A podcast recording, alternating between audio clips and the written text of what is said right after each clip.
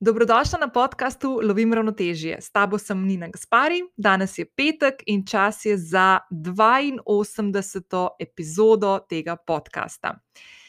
Preden predstavim današnjega gosta in povem, kako se je zgodil najmen pogovor in kaj, zakaj je tako poseben, uh, naj najprej povem, da sem za danes načrtovala eno drugo vsebino, uh, ki pa jo nisem uspela pripraviti. In se mi zdi full fine, da povem tudi za vse tiste, ki mi doskrat pišete, kako imam jaz tako urejene stvari in sem full produktivna in organizirana in imam vse stvari v življenju podelane. Um, nimam. Uh, tako da sem uh, danes, danes sem želela dejansko govoriti o dveh stvarih, ki sta mi blazno pomembni in ki jih bom naslednji teden predstavila. Uh, tako da bom verjetno naslednji teden vključila to vsebino v podcast. Um, in ker uh, se je ta teden odvil hitreje, kot sem mislila, da se bo, uh, ker sem imela veliko enih projektov, enega dela, uh, lovili so mi roki oddaj uh, in uh, stresa, ki pride s tem. Uh, enostavno nisem uspela uh, pripraviti vsebine tako, kot sem si želela. In sem bila blazno vesela, da sem prejšnji teden, imela možnost poklepetati z današnjim gostom. Uh, in sem full vesela, uh, da lahko danes uh, ta podcast zavrtim, ker ga imam malo na lagarju. In še ena stvar, ki se je zgodila, preden ga predstavim, tako zdaj full počasi ga predstavljam. Ampak še ena stvar, ki se je zgodila uh, in je povezana s tem, kako je ta podcast nastal. Mislim, da še nobene epizode do zdaj uh, nisem poslušala, preden sem jo objavila dvakrat. Uh, ful mi je všeč ta pogovor, uh, zato ker je res drugačen od vseh pogovorov do zdaj. Uh, pa zdaj, da ne bom zavlačvala, bom, bom povedala, da ta pogovor je bil posnet prvič ne na način, kako jaz ponovadi snemam podcaste in pogovore z gosti in gostjami, ki so do zdaj že bili uh, predstavljeni in predstavljeni v tem podkastu, ampak sem se dejansko povabila k mojemu gostu domov, v njegov domači studio. In sicer Moj današnji gost je Klemen Selakovič, strokovnjak za uporabniško izkušnjo, kolega podcaster, ki ustvarja enega od mojih najljubših slovenskih podkastov, ki ga lahko posod na vseh platformah najdeš pod imenom Aideja, in moški, ki po svetu hodi z odprtim srcem, očmi in mislimi. Jaz sem Klemna spoznala ene deset let, verjetno des, skoraj deset let, osem let nazaj, ko sem bila v neki zelo čudni situaciji, um, poslovni in življenjski. Uh, spomnim se, da smo sedeli po enih sejnih sobah in hodili na sestanke v Zagreb in tako naprej. um, tako da je bilo ful smešen se usest nasprot človeka, ki ga sicer poznaš, ampak ga ne, ker nismo neki tako prijatelji, ki bi se pogosto srečvala. Uh, tako kot sem omenila tudi v pogovoru, se v bistvu poznava prek Facebooka, spremljava, kaj se dogaja en z drugim, zdaj v zadnjem času, odkar ima podcaste, mogoče tudi kakšno stvar malo bolj pogosto se spremljava. Ampak načeloma je tako, da uh, je bilo fulj zanimivo in sem dejansko pustila ta podcast takšen, kot je od začetka. Uh, ko še štimava uh, mikrofone in slušalke, ker se mi je zdelo tako fulg genialno, kako sem jaz ukorakala k njemu uh, v stanovanje. Klemen, hvala še enkrat za gostoljubje in, uh, in za fulg, fulg prijeten. Uh, Uh, tako da si odprl vrata svojega doma in studia, ful sem ti za to hvaležna, in tako zdaj hočem imeti studio, ne, da se razume. tako da, um, ful, ful, uh, mi je bilo prijetno klepetati po več kot enem letu z nekom, tako, ki je sedel nasproti čez mizo od mene. Uh, tako smešno je bilo na začetku, vse se bo to slišali, ko boste poslušali, čez na začetku, ki sem malo viva. Um, tuje mi je. No? In, in sem tako skozi imela nekako v sebi tako občutek neskončne hvaležnosti, da se lahko tako stvar, v tako zanimivih stvarih pogovarjam s Klemnom uh, v njegovem studiu, tako iz oči v oči, ki se gledava. Um, tako, ful mi je prijetno, no? res noro, noro, noro lep pogovor mi je. Um, zdaj, mi dva danes v tej epizodi uh, full freestylava, tako pogovarjava se o enem kupu enih stvari, Um, zato tudi show notes danes sem ga pripravila, uh, ampak so noter res um, povezave, da lahko klemna in njegovo idejo spremljaš naprej. Drugega nisem vključila, ker ni nič kaj tazga, kar bi omenjala, da bi lahko vključila. Sva pa govorila o meditaciji, o vlogi meditacije, kako jo dojemava, kaj smo skozi meditacijo ugotovili. Tukaj je predvsem Klemen veliko stvari povedal o strahovih, o tesnobi, o moški ranljivosti, ki je ena od tistih stvari, ki jo pri Klemnu ful spoštujem in sem ful vesela. Uh, ko poslušam njegov podcast, sploh te zdaj v zadnjem obdobju, uh, njegove dialoge, ki jih ima s prijateljoma uh, Andrejem in Janjem, uh, ko se tako pogovarjajo, te, te moške pogovore imajo, ki ponavadi, ne vem, jaz, jaz jih nisem zelo velikrat slišala, tako iskrene, globoke, uh, srčne pogovore, uh, čustvene pogovore. In je to en, eden od prostorov. Um, Ki ga Klemen odpira za moško publiko, uh, tudi za žensko, seveda, ne, ampak za moško publiko, in tudi o tem veliko spregovori v, naj, v tem najnem pogovoru. Um, in se mi zdi tako fulgenialno. Jaz, jaz sem imela skozi, ko sem se s Klemnom pogovarjala. Tako res, res se mi je zdelo tako lepo darilo. No? To, vsak pogovor, ki ga imam, ne, se mi zdi tako neizmerno lepo darilo, ki ti ga nekdo, s katerim se pogovarjaš, da v obliki odgovorov na vprašanja ali pa, na, ali pa nek pogovor, ki se. Uh, organsko izpelje med dvema človekoma in sem vedno neizmerno hvaležna za čas ljudi, ki si ga vzamejo, za stvari, ki jih povejo, za izkušnje, ki jih delijo, čustva, ki jih delijo, in tako naprej.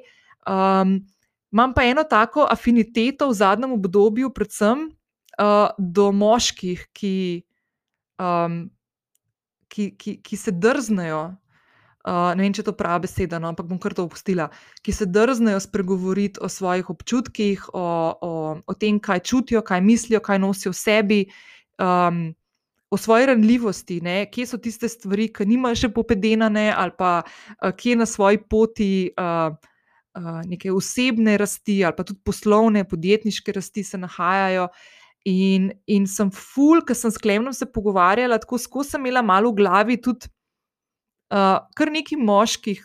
Bom rekel, da imam ful srečo v življenju, da poznam nekaj moških, s katerimi imam tako redne pogovore in me vedno ful napolnijo s tako res lepo energijo. Um, vedno sem ful vesela, ker vidim, kako se lahko pogovarjamo o določenih stvareh, ki so bili meni tako res tuje, še do nedolg nazaj. Uh, ali pa jaz nisem znala se tako pogovarjati z moškimi, vse ne vem. Ampak v glavnem, kaj hočem povedati, da ta epizoda je tako res en tak diamantek, no? zbrušen ali pa ne zbrušen, po mojem, je zelo zbrušen. No? Uh, ful se je lepo iztekel ta najmen pogovor, uh, ful sem vesela, da se nisva držala zelo tistih istočnic, ki sem poslala Klemenu, sorry, Klemen. Uh, in so res pustila, da teče debata med nama uh, zelo tako spontano, fluidno, uh, ful mi je bilo prijetno, uh, res tako. Klemen, hvala še enkrat za to, da si odprl vrata. Um, res, ful, ful mi je bilo the best. Uh, tako da, evo, preden skočimo v današnji uh, podcast oziroma v pogovor s Klemnom. Te vabim, da če še niste prijavljeni na podcast Lovim Ravnotežje, to lahko storite zdaj prek aplikacije, na kateri trenutno poslušate to epizodo. Uh, Vedno sem vesela tudi mnen in ocen, ki mi jih pustite tam na aplikaciji, lahko napišete svoje mnenje ali pa date tiste zvezdice, uh, oceno in s tem pomagate, da ta podcast vidi še več žensk in moških, ki bi jih utegnile zanimati podobne teme kot tebe. Uh, vedno se mi lahko oglasite tudi na zasebno sporočilo na Instagramu. Zdaj bom malo povzela tisto stvar, ki po mojem nikoli ne omenim pa jo Klemen vedno meni na začetku, da lahko tudi, ko, ko poslušate podcast, naredite screenshot, pa me potegate na storijo na Instagramu, pa vas bom pošerala, tako kot vedno naredim. Tako da tudi to sem vedno fulj vesela, ko vidim. Uh, in tako kot vedno spodaj, uh, te v opisu epizode čaka povezava do show notes. Kjer te čakajo tiste stvari, ki je Klemna lahko sreč, uh, spremlja še naprej, njegovo idejo, drugih stvari pa danes nisem dala noter, ker se mi je zdelo, odveč, oziroma nobene take stvari nisva dala, ki bi bila res tako za polinkati. Uh, je zelo tak sproščen življenjski pogovor. In uh, pogovor se tudi zaključi z najnim pozdravom, tako da ni nobenega avtro dela, tako da to je to, tako da se bom jaz tudi poslovila zdaj od vas. Uživite v tem pogovoru, jaz ga bom sigurno še ta tretjič, četrtič, pa petič si zavrtela, ker mi je res tako, full, full, fine. Tako da, evo, še enkrat, Klemen, full, hvala. Uživajte, fino se majte, lep petek, še lepši vikend in se slišmo naslednji teden. Ciao!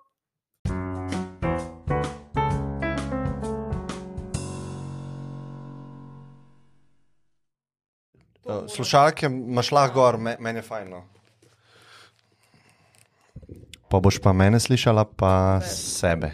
Pa te mikrofone imaš, ko so čisto hudi. Zdaj imela ful dobro narejeno produkcijsko, da bi mislim, Ja, da ja. boš izvodila.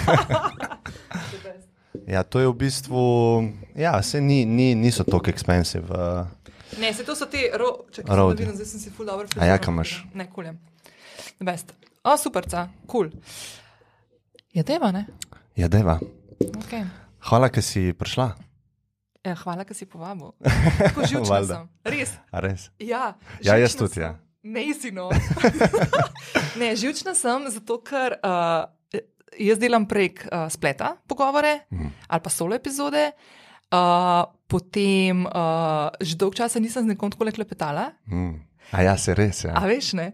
Pol to, da tebe poznam, a veš, ampak ne uno, da so neki tako, da se ful videvava, pa tako ne. Mm, mm. A veš, in je to zdaj tako malo, in ful imam respekt do tebe, in zdaj mi je tako. Ja, enako, sem- enako. Ne, jaz sem tudi, veš, kako je eh, zanimivo, ker recimo ne želim se pripravljati eh, za take pogovore, zato ker malo uničiš te spontanosti. Ja. Ampak moj mind, a ne. Recimo, včeraj sem šel na sprehod, pa tako, jo, kaj bom povedal, pa kaj bova se pogovarjala. Ne? In um, pa sem me malo zafrkala, ker si mi poslala naprej tematike, ne? in sem imel še težji, da ne bi Sorry. razmišljal o tem. Ne, Ampak ne, ne, veš, zakaj se sem ti pa hecam. poslala? Ker sem poslušala, čakaj, kje si ti enkrat omenil, ful sem poslušala za tvoje podcaste še za nazaj in te dialoge sem poslušala, Aha. čist genialno, bom ti povedala, zakaj. To si en Uh, mesec poslušala, koliko je tega. Ne, nisem že vseh, tek ta zadnje. Uh, v bistvu me je pa moja kolegica Ana, uh, ki sem ti vidiš, ki sem ti pisala, ki sem se meni nadaljevala, snemala, pa mi je tako rekla, hej, zanj sem poslušala ta dialog, a veš, od Klemna, pa to une tri tipčke, veš, kako pogovorijo. In tok sem odpadla, da sem šla v Hoferja um, in sem šla brez maske. Pozabila sem dati masko, na to sem padla v klepet, a veš, in sem že hodila po trgovini, noben mi nič ni rekel, in tako po ene parih minutah ugotovila, da nimam maske. Sem rekla, čak, zdaj moram jaz to pa poslušati bolj konkretno. Aha, veš. ja, ja. In sem čisto odpadla in v enem, v enem si omenil, ko se nekaj pogovarja, kako se pripravljate, se ne pripravljate, pa z gosti, pa to, mm. pa da eni hoče se pripraviti, eni ne. Jaz ponovadi sem tako istočnice pošljem, pa, pa nisem vedela, sem rekla, da je vsaj tako neki, da ima temo. Čeprav meni je Ja, tudi ja. fajn s tabo, jaz bi furala tako, sem si rekla, kako bi bilo dobro, če bi furala tako en tak dialog s tabo. Freestyle. veš. Ja, ja. Ne, ker, veš, ka- jaz mislim, da tako, ko probaš planirati nekaj, pa kontrolirati, nikoli ni, ne prideš do tizga. Ok, to se bo slišal malo tako korni, ampak do srca, ne, do odprtega Ja. srca. Zato, ker je ena fasada čez, ki planira, pa hoče izpadati boljš, pa izpadati uh, ful, ne vem, uh, lahko tudi duhoven, lahko tudi karkoli. ne, a. Ja. In uh, če pa si ne daš te bergle, da veš, kaj bo naprej, pa pa nimaš izbire. Ne? Mm. A veš, pa v bistvu zdaj le ne vem, kaj bo naslednji stavek. Ne? In um, za ene je ful težko to, za ene goste tudi, kot jaz opažam, ker uh, me prav prosijo, a lahko vnaprej Mhm. -huh. dobimo specifične vprašanja. Ne vem, ali so tako navajeni iz RTV, ali ker tam se tako dela. Uh Mhm. -huh. um, ampak uh, vidim, da vsaj neki od njih uh, je imel probleme s tem, ker so bili naučeni nekih stavkov. In pa se je stavek parkrat po ponovil tekom mm. pogovora, in pa sem vedel, da je, aha, je bil v glavi. Ne. In ja, jaz mislim, da to neko kreativnost lahko to blokira. Ne. No, se jaz pa še prihajam iz branže PR-ovske, ki Mm. je pač obsedena z nadzorovanjem, kot se pač da, in nikoli ni tega nadzorovanja dovolj. ne. Vedno Mm. se lahko nekaj zgodi, na kar ti ne moreš vplivati, pa v montaži ali pa postprodukciji. a ne. In ja, pa že tako, če si mal kontrol freak po naravi, kar jaz sem bila, zdaj sem spuščati, spuščati začela zadnje leta, ne, ampak ta poklic mi ful ni pomagal pri tem, da bi to opuščala. Ne. Si navajen tega, da probaš čim bolj hermetično zapirati te stvari. In kot jaz vedno tako sem nekako tudi moje naročnike mm, nekako učila in jih poskušala pripravljati na neke intervjuje ali pa nastope pred kamero, pred mikrofonom, da so vsem še oni, ne, da, ne, da nismo delali nekih treningov in če smo imeli kakšen tik ali pa govorno Ja, ja, ja. napako, da pa zdaj pa to pazimo. Ne, ne, pač klinc smo taki, kot smo. Ne. Je vsem tukaj nek poseg noter. Ne. Ja. A veš, In meni je glih to pri podcastih zdaj ful dobro, ne. ker tega v bistvu ni. Ja. Sej, uh, a vidiš, kako je, ko smo v živo, ne? Točno veš, da sem hotel nekaj reči, ja. ne, v, v Ker pa ne remote pa nimaš, ne, Ja. ne moreš prekiniti. Ne? Ampak eh, zdaj pa ne vem, kaj sem hotel povedati. Ne, um, hmm, Sem že izgubil Ne, misel. se ti bom jaz vprašala, tako da ti pomagam. a kao. ja. Ne, ker ti imaš Prosim. zanimive goste. a Veš, tako, zbiraš goste in gostje, ki so tako. Um, jaz mislim, da se moraš ti tako mal, mal, pa ne bom rekel, da se zdaj jaz ne, pa da nisem imela tudi takih zelo specifičnih, pa zanimivih gostov. Ne, Sploh daleč od tega, da bi zdaj dajala neki, eh, da bi neki tekmovanje bilo. Ampak tako se mi zdi, da naprimer, jaz, ko pogledam, kdo se, s kom se ti pogovarjaš, so neke teme. Ki so meni fultuje, naprimer, ne, in, si pomi, in tako pomislim, naprimer, da bi se mogla jaz z nekom takim usesti pa pogovarjati. Ne, čeprav hočem vedno ta nek življenjski vidik, kako gledajo na določene stvari, ne toliko mogoče poslovno, službeno, karkoli mm. pač delajo. Ne, se mi zdi, da bi se mogla fultko poglobiti v neko tematiko, če bi hotela dejansko pa tako vprašanja postavljati, kot jih naprimer ti postaviš. Ker tako pol potegneš iz njih res neko tako vsebino, ki je naprimer meni, ki je naprimer, ne vem, bitcoini, ne, mi je tako, uh -huh. kot da bi mi govoril, ne vem, kitajščini, ne, uh Mhm. -huh. mi je rata zanimiv, ne, Aha. a veš. Ja, ampak sej, a veš, recimo ti, ki imaš goste, ne si izbiraš goste na podlagi svojih zanimanj. Uh -huh. In um, ker je tematika v, v tvojem krogu zanimanja, dobiti vprašanje ali pa postaviti vprašanje je zelo simpel. Uh -huh. In tako je tudi za me. Jaz v bistvu zbiram tematike, ki me zanimajo, valjda. In zato se mogoče ne rabim pripravljati, zato ker me dejansko stvar zanima in on je strokovnjak na tem področju ali pa se s tem ukvarja. Uh -huh. In ne bi si pa jaz zbiral, recimo, gostov, ki me ne zanimajo, recimo, da bi si ti zbrala Bitcoina. Ne? Uh -huh. Zdaj v tej točki, ali pa pred enim mesecem, ki te ni nič zanimalo, Mhm. mm. samo zato, da ugodiš trendu Itak. v družbi. To je po mojem slabo. Itak, to tudi ne delam. Sej, Ja. ja. Jaz vedno najdem nekoga takega, ki že res mi je tako ful. Zanimivo ali pa je nek challenge. Ne? Uh Mhm. -huh. A veš, to ja. Ampak vedno po, poskušam nekako vleči iz njih neke te. ah, Ta, ja, take življenjske. Veš, ko, kaj, kaj je tisto neko spoznanje, do katerega so prišli, ki jim pomaga v življenju, zdaj spoh ali pa v zadnjem letu, ali pa ne vem, malo strahovi. Veš, te stvari, ki imam občutek, da se ful premalo o njih pogovarjamo Uh -huh. in, uh, in pol jih valjda držimo zase. Bdimo nad tem, da, jo, da ne bo kdo zdaj videl, veš, da me nečesa strah ali pa da sem šipka v nečem ali kako koli. Sploh ženske, veš, moje poslušalke, mislim, moj, moja publika, sicer za neki moški rastejo, ne vem, kaj se dogaja. Kako pa, kje pa to vidiš? Pa veš, kaj mi pišejo mi? A ja, Sporočila ja, dobivam, okej. pa ne vem, zanj sem bila ful, ful je bilo zanimivo, zanj na Clubhouse, a veš, tako uh, sem imela neki z jasno suhodolc, Aha. pa se je ful moških tam prijavil, pol zanj sem bila na enem um, podelitvi enih teh uh, leadership in flow, leader in flow programa, ki sem ga lani delala v prvi generaciji, pa so bili podelitev, zdaj druga generacija, pa so se tako trije moški javili, da poslušajo podcast, pa tako, ali pa da so zvedeli za ta program na, pod, na mojem podkastu. Pa sem bila tako, wow, ne, a veš, in mi je ful zanimivo, ker jaz nagovarjam tudi ženske. Si to hotela reči, ne. Pa nimajo, veš, sem pa tja, Ja. kaj še reče, vse šm- sem se navadil. Zdaj jih boš eh, vikala ali boš Ne, unikala? veš kaj, sem se, sem se odločila, da bom kar na žensko ostala. Uh -huh. uh, zato, ker še vedno pač ne vem, pet, mislim, pa se tudi te statistike, se jih nimaš neki fula, veš, ampak tisto, Ja. ja. kar vidiš, ne, približno mislim, je, so ženske res tako 80-85 plus procent, odstotkov. No? Uh, ampak pol tako naredim tudi pa, in poslušalci. a ne. Ja, ja, ja. tako da valjda, da ne bo tako zdaj, ker vem, da so. Ne? A veš, mi je Ja, ful zanimivo. sigurno. Ampak ženske imamo take veš te teme, ki smo tako, um, ki se mogoče malo bolj pogovarjamo o njih. No? Mm. Veš, znamo biti bolj tako odprte ali pa si upamo Sigurno. Povedati. Uh, tak nek prostor, uh, veš, pa tudi dobim, ko dobim sporočila nazaj, hej, kako dobro si to povedala, se tudi tako počutim, veš, ko poistovetiš se. Ne? Mm. In pol vedno tako razmišljam, ne? in to mi je bilo ful fascinantno. Ne? Vedno tako razmišljam, da se mi zdi, da je tako ful mal takih prostorov za moške in tle mi je ta tvoj del ful dober. Aha. Čiste hudine. A ja, misliš, dialogi? Ja. Um, ja, v bistvu to se ful, ful, ful strinjam, da moški imamo mogoče, saj po mojih izkušnjah, ne, zelo, zelo, zelo osebnih izkušnjah, več te fasade, o kateri sem govoril, gor. Um, se pravi, teže je do srca prideti. Verjetno so tukaj neki evolucijski razlogi, veš, da moraš imeti ščit okoli sebe, moraš um, izpadati kot močen, kot stabilen. Ne? In to pač je posledica tega, da se malo zapreš, ne? da ne boš čustva tako pokazal, kot mogoče i- ženska, ki je lažje. Ne vem, moje čist eh, filozofiranje. Um, in ja, mislim, mislim, da tudi ni uporabno čisto v ekstrem tukaj.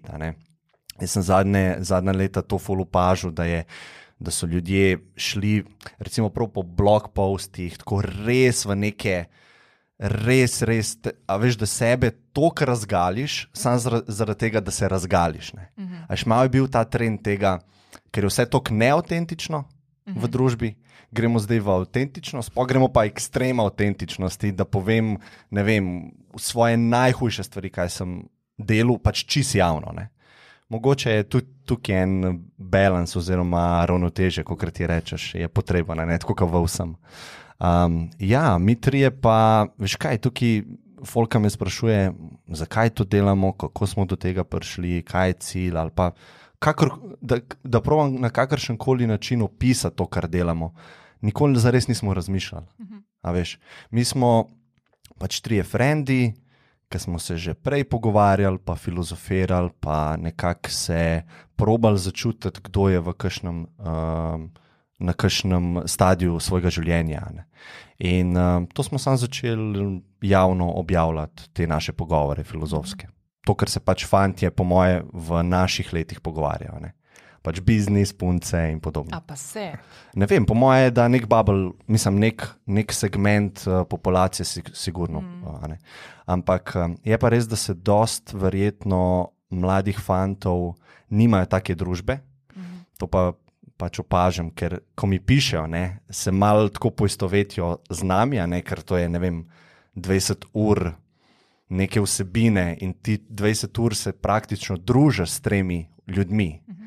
In se nekako kar. Um, Se mi zdi, da uh, spoznajo te ne? in te imajo za nekega tazga prijatelja, čeprav pač ga ti ne poznaš. Ne? In uh, se mi zdi, da dosti mladim mogoče to pomaga, ker razmišljajo o teh stvarih, nimajo pa družbe, ki bi lahko to uh, projicirali ven ali pa ki bi lahko uh, se malo spraznili, pa malo filozofsko um, udejstvovali. Tako da se mi zdi, da je to ful manjko v naši uh, družbi za mlade fante.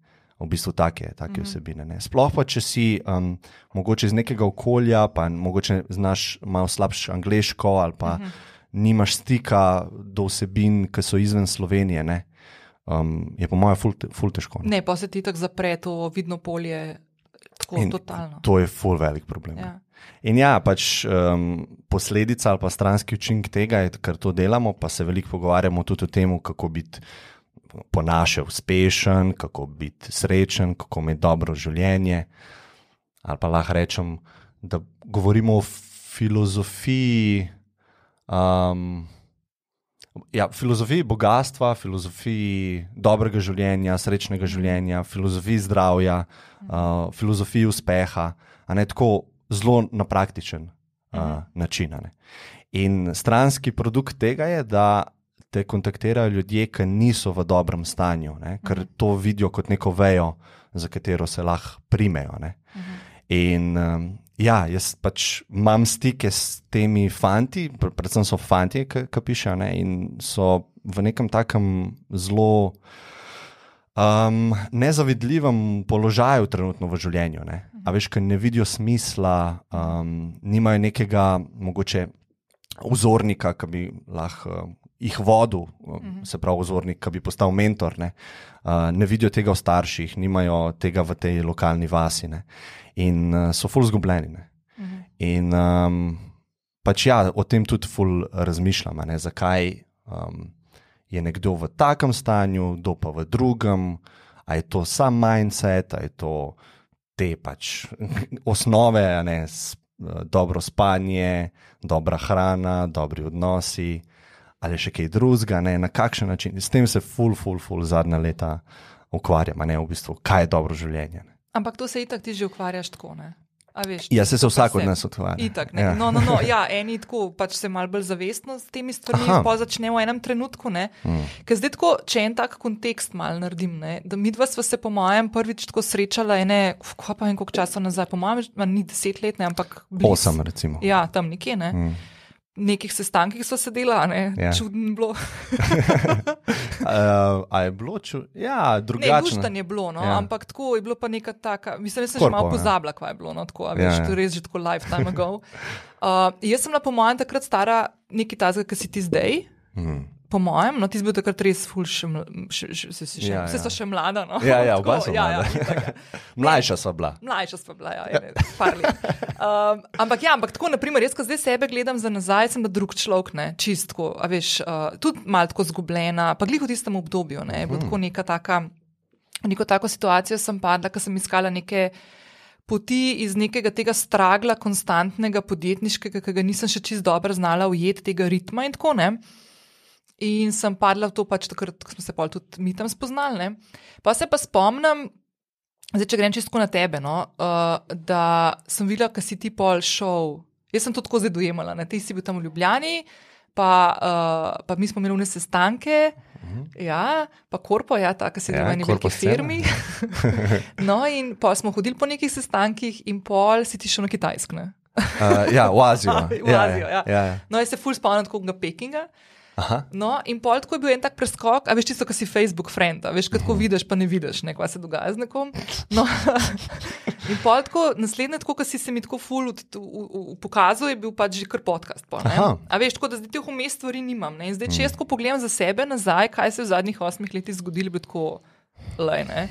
Jaz sem res drug človek. No. Ja. Mislim, full the best. Pač ta eksponentna rast, uh, začeti se ukvarjati sam s sabo, namesto tem, kaj drugi, kako drugi gledajo tebe, oziroma te ocenjujejo, ali pa ti misliš, da te ocenjujejo. ne.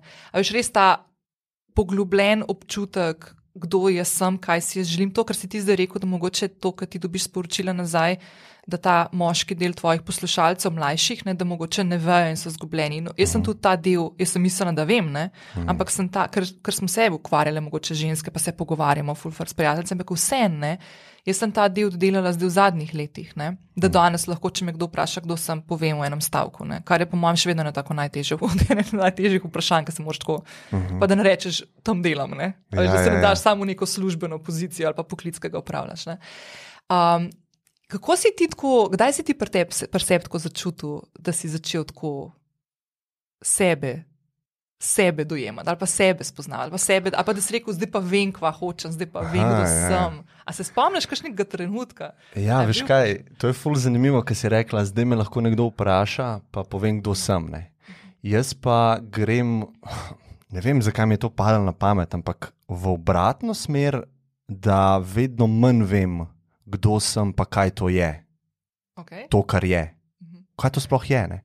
V bistvu je nek tak sklenjen krog, ko sem se to začel spraševati, um, tako kot se vsak od nas, verjetno, poistoveti s tem, ko si star pet let ali pa sedem let. Pa tako, kaj, kaj je to? K kaj je to, kar je? Zakaj je pa pol naslednjo? Ne? Zakaj je to? Ne? In ta, v tem zakaju se skriva ta um, iskanje smisla življenja. Ne? Zakaj, zakaj, zakaj? In zdaj, trenutno na tej točki, verjamem, da ni odgovora na ta zakaj. Ne? Tako da um, ni tudi odgovora, po moje, kaj jaz sem, ker je to pač zelo povezano s tem, zakaj. Um, ne vem, jaz sem vedno bil zelo tako, uh, ta del, ki je introvertiran, ta mali del, je zelo močen. Če imate nekega smisla. Ne?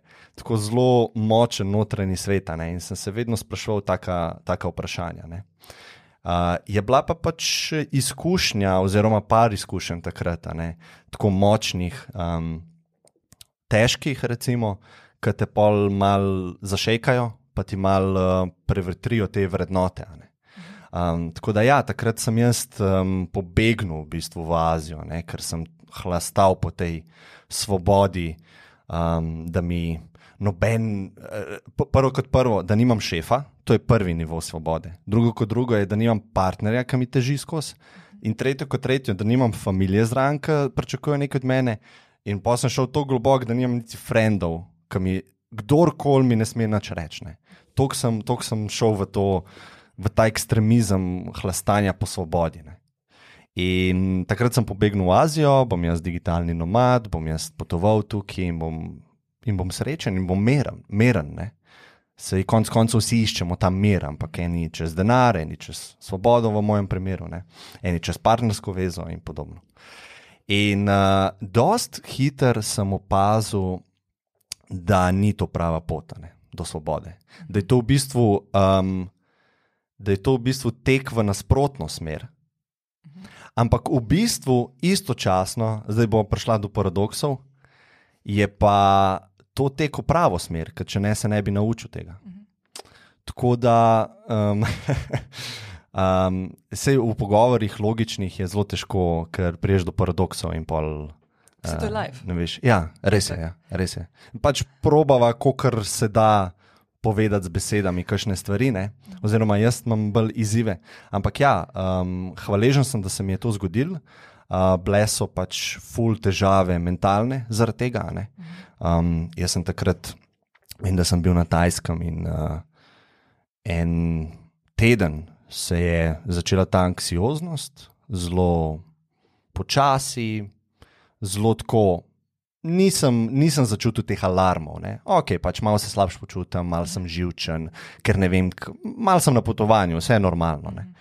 In potem se je to iz dneva v dan stopnjevalo, stopnjevalo, stopnjevalo. In pol, ko sem prišel jaz do točke, ki je še nisem občutil v življenju, um, do točke občutkov neprijetnosti, ki jih nisem še občutil do takrat v življenju, me je pa začela še dodatno panika zaradi tega grabiti. Ne? In potem sem bil v tem začaranem krogu, ker bojim se tega, kar se mi dogaja, in ta, glih ta strah um, je gorivo za to.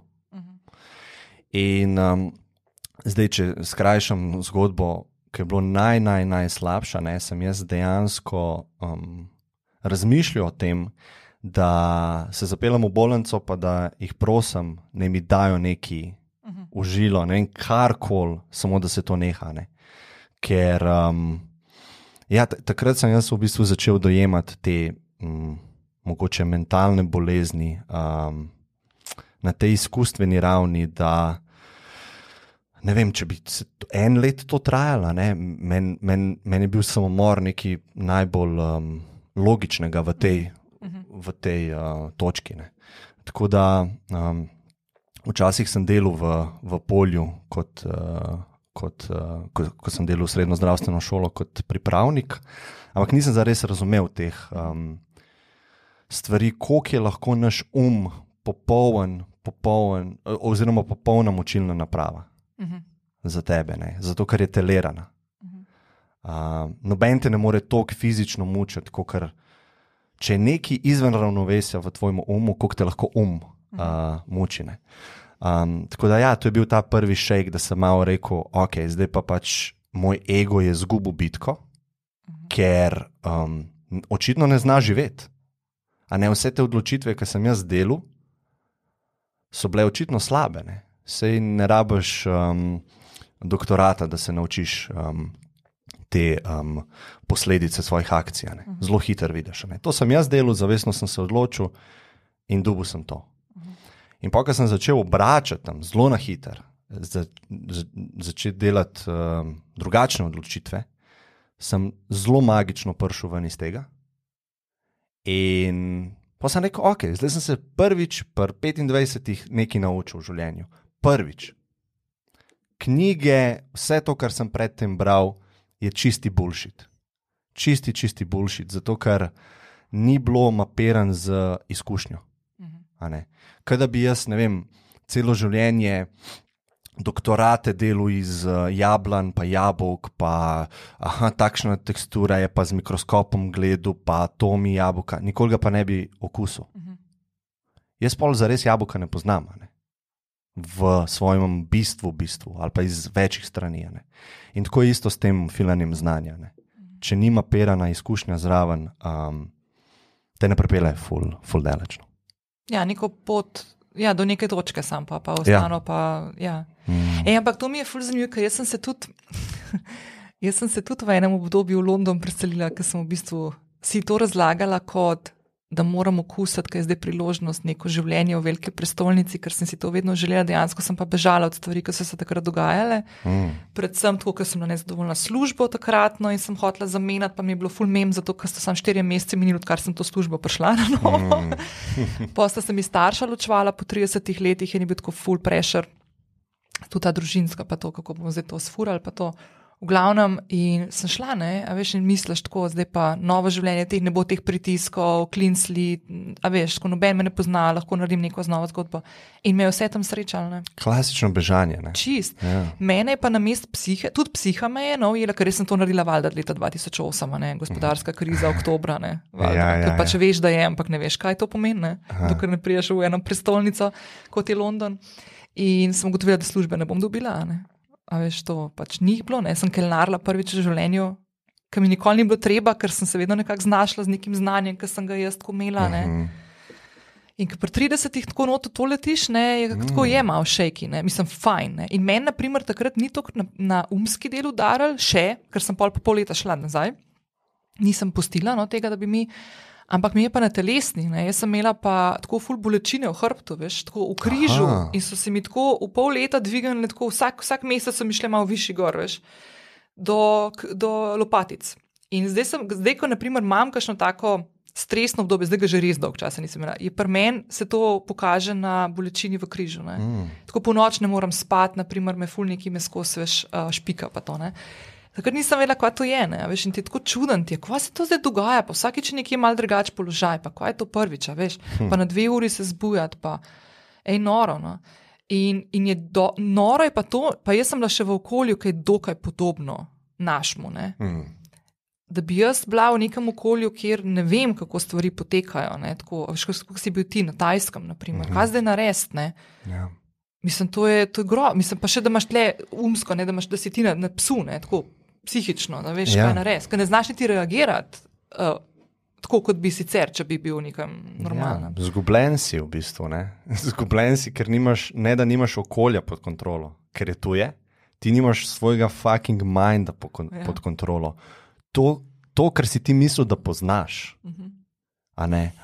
Fak ne. In ja, zdaj, ki sem, ko sem to govoril, mislim, me kar tako ne spomnim se več teh občutkov, sam spomin imam na njih, da so bili grozni. Uh -huh. Ne morem pa več, a veš, um, jih priklicati, da bi bilo še čustvo zraven. pa Tako, ne. Zato tako zelo, zelo, zelo težko, zelo je tak meglen spomin uh, na tiste dneve, ko sem pač, ne vem, spal sem čez dan, po noč sem bedel, nisem vedel, kaj so sanje, kaj je resničnost. En moment nisem vedel, kaj, kdo sem jaz, ne, ker sem gledal se v gledalo in mi je bilo tuje. In pol je tu, tuj obraz. Ne.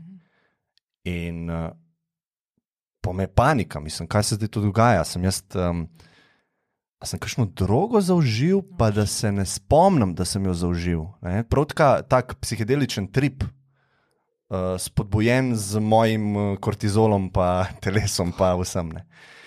In um, pri drogi saj veš, da, mislim, veš, lahko se upreš na to, ok, bo minil, vedno je minil do zdaj, ne, če, če je zahteven. Uh, tam pa sem jaz imel, ok, meni se zdaj razvija schizofrenija. Ne? Ker jaz sem videl te ljudi, ne? jaz sem poznal ta, uh, to, bole, uh, to gledal, stanje, ne? ker sem gledal, Ja. sem rekel, ok, ni se pač zmešala, ne? Saj pač greš v polje, pa te nafilajo s tableti. Ne? Ampak to se meni nikoli ne bo zgodilo, ne? ker jaz imam mind zelo šarp, zelo vem, kaj je realnost, ne? oni pač so odplavali. Ker se tebi začne to dogajati. In valjda strah, ok, jaz bom zdaj pač norca. Ne? Ampak to, to je klasična, klasična um, zanka uma. Potegne strah tam, kjer ga najde. Ne. Tega me je strah, tega me je strah, tega me je strah. V bistvu je bil pa sam stres, pa neuravnovešeno življenje. Samo to je bilo. Jaz pa že tam, aha, schizofrenija, nepopravljivo, ne vem kaj. Ne. In ful, ful zanimiva izkušnja, no? da sem se naučil, kakšne so razsežnosti uma. Um, preden sem se pol začel ukvarjati z meditacijami, pa z psihedeliki. Pa tako, ne. to je bila prva spodbojena, pač čist um, spontano. Ampak kako, kako, spa, kako spa vam prišel pol iz tega? ja, um, ne, rekel sem tako, ok, sigurno, kaj ni dobro, kaj delam. Ni dobro, da ne spim redno. Ni dobro, da pijem kavo sploh, ker to pomagati ne more, ne? ni to zdravilo za anksioznost. Ne? Tako da sem rekel, ok, črtam kavo, to lahko naredim, probam na silo spati po noč. Um, in pa, ta je bila pa najbolj pomembna, um, šel sem v nek tempelj, kjer so imeli, to je bilo v Čangmaju, to je neka taka prestolnica digitalnih nomadov uh, na svetu, v bistvu celo. In uh, ta, to mesto je, mislim, prežeto s templji. Ne moreš v bistvu kamen vržeš, kamor v kjerkoli smer bo zadev tempelj. ne. Tako res, templov je povsod full.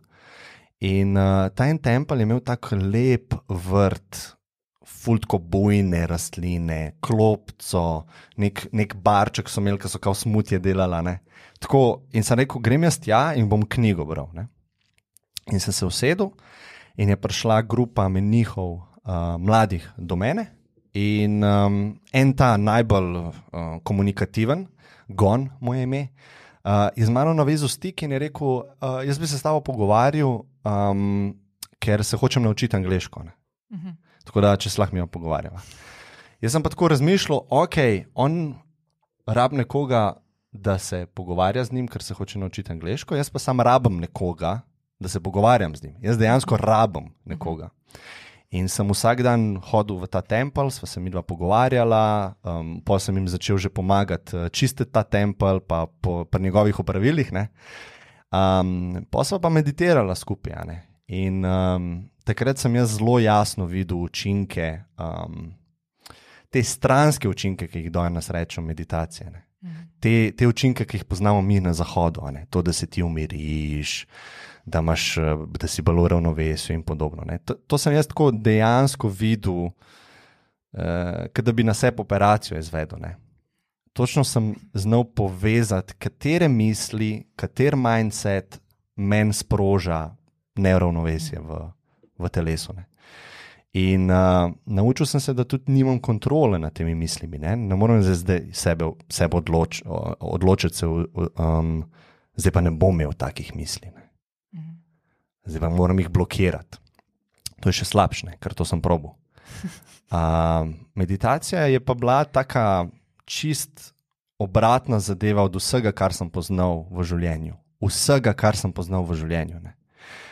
Um, to pa mislim tako, da uh, do takrat sem verjel, da vse, kar ti narediš, narediš z akcijo. Ne?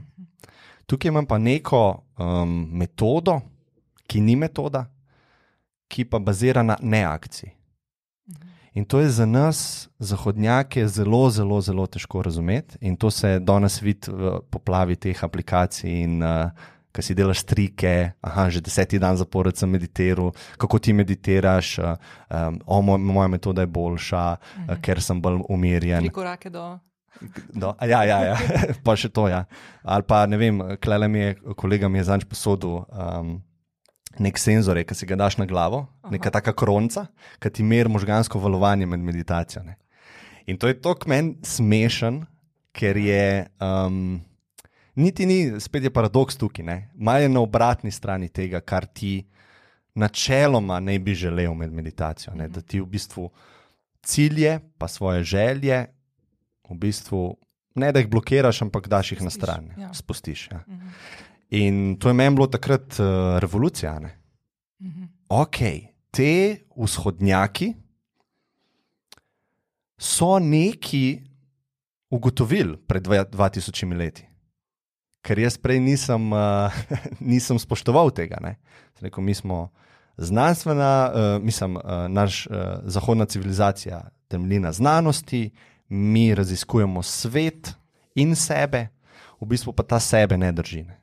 Oni so pa raziskovali sebe, sebe, pač notranji svet. In jaz mislim, da more priti do združitve teh dveh svetov. To, to tudi provam s svojim podcastom mhm. nekako delati, ne? da je v bistvu kako bi to uh, racionalni um, pa ta, uh, ne vem kako bi mu rekel, duhovni, neracionalni. Mhm. Um, združil ne, v neko ravnovesje. Ne, in mogoče se tukaj skriva nek, um, neko dobro življenje, no? ali pa nek recept za dobro življenje. No? E, ja, veš, da to mi je. Jaz se spomnim, ko sem, kaj bo zdaj, ne šest let nazaj, sem šla v jogo, malo bolj konkretno. Uh mhm. -huh. Takrat sem šla tako na mojo takratna. Prijateljica, ki je tudi delala v marketingu, je šla v Indijo živeti in se je glih vračala nazaj in je rekla: Izmela pa zdaj joga ure, a prideš pa jaz tako, ok. In bila sem v enem obdobju, enem low, low obdobju, ta zadnji, zdaj, ki sem ga imela, Mm, vse se mi je tako podarilo, veš, tako. Uh -huh. En tip je bil v igri, pa, en, pa eni projekti, ki niso se šli, glavno vse naenkrat, valjda, kot ponavadi. Ne? In sem tako spet zgubljena. Jaz sem imela pa to, veš, zahodnjaško. Ko sem jaz prišla do te točke v življenju, pa sem se z njimi trikrat srečala, ko nisem znala sebe spraviti ven, sem šla na antidepresive. Uh -huh. Tako da imam tri take zgodbe. Ena je bila taka, kot pri tvojih letih, teh 25-26, pol tam okrog 32 pa potem pred šestimi leti. ta zadnja. In takrat sem jaz rekel, da kaj mi pa če bom šla na to jogo. Pa mi ni joga sedla, veš, ko sem imela eno izkušnjo odprej, ki mi je bila taka neka čudna, pa tam pa se ne smeš nič reči, boh ne da, ki rečeš, moraš biti tiho, veš, pa tako. Sem Rekla, jaz sem taka živahna, veš, jaz ne morem biti tam, ne, Ja. pač ne. Meni je fajn, ko malo tudi druženje pa to. In jaz sem začela hoditi in takrat sem rekla, veš kaj, grem jaz delati izpit za jogo. Zato, ker bi rada jogirala doma, ne? da sem kaj tako naučila. Jaz nisem imela plana, pol tako neki, zdaj pa bom učiteljica, pa tako pa vadila, pa, mi, pa kazala drugim. Jaz mislim to za sebe. Imeti, ne. In jaz sem skozi to jogo, ki sem jo vzela kot zelo telesni vid, jaz sem jo vzela kot izključno telesno vadbo in sem se full otepala vseh drugih stvari. Meni je bila meditacija tako le, nice, grozen mi je bilo, vsake tiste na koncu, pa na začetku mi je bilo ošit, spet ne. Nisem se mogla sprostiti, ful me je skrbel, da bom ratela ful preveč poduhovljena. Pa lahko še to povem, pa bom zdaj povedala, zdaj se vas furažala. Mislim, saj jaz sem zigarna. Res, ko mi je tako že cel teden o tem razmišljam. Moj pokojni dedek, ne, ker sem bila izblazna na ga navezana, na Lauro. Jaz sem živela tudi z njimi, pa z mojima staršima, ki so bila ful mlada, na začetku prva štiri leta in on je bil kot moj drugi oče. Starša so študirala in v bistvu sta on pa babica za mene skrbela.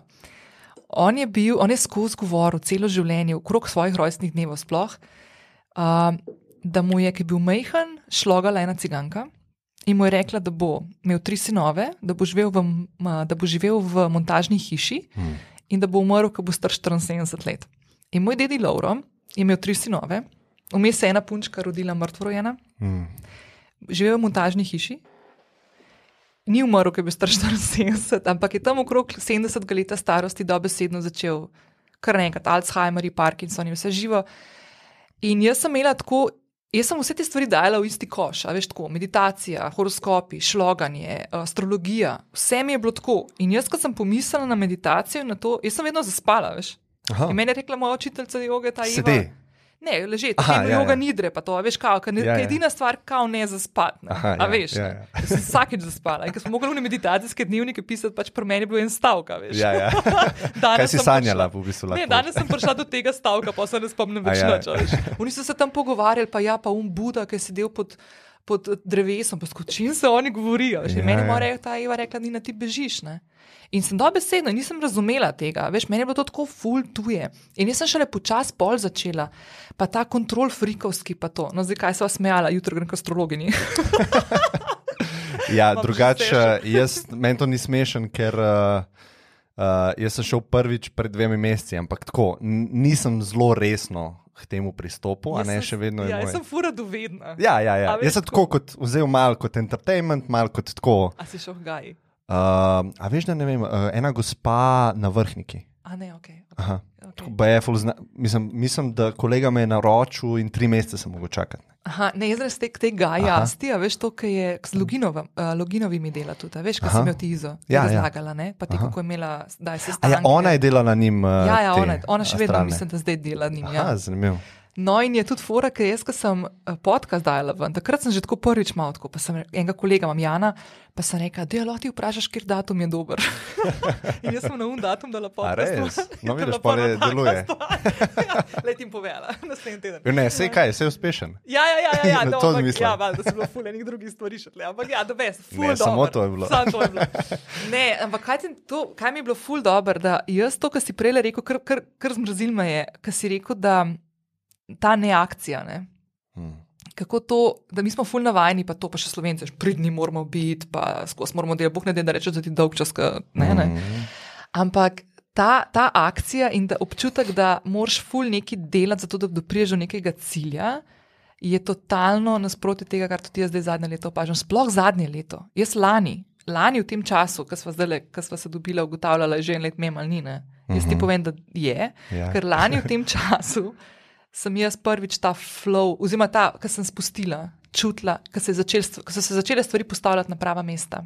Hmm. A veš? Kako, a si to začutila uh, v momentu, ali je bilo daljše obdobje tega? Dalj stanja? časa. Ne, nič, nič ni v momentu, mislim, pri meni jaz nobene stvari, kot jo vidim. Pa tudi jaz nobene stvari v življenju, zdaj da bi rekla, da sem nekaj ful načrtovala, pa strateško. Lepo, mi dva se oba ukvarjava tudi s temi stvarmi, uh Mhm. -huh. predelo, a veš, delava neke strategije za druge, Seveda. pa to valjda. Ampak uh -huh. jaz sem ful pristaš tega, oziroma to sem se naučila, da moram čas v čas pustiti. In pri meni so se določene stvari, ta glavne stvari življenjske, ful postavljajo v pravem času na pravo mesto. Meni se je to zgodil, ta preblisk se mi je zgodil ene pol leta prej.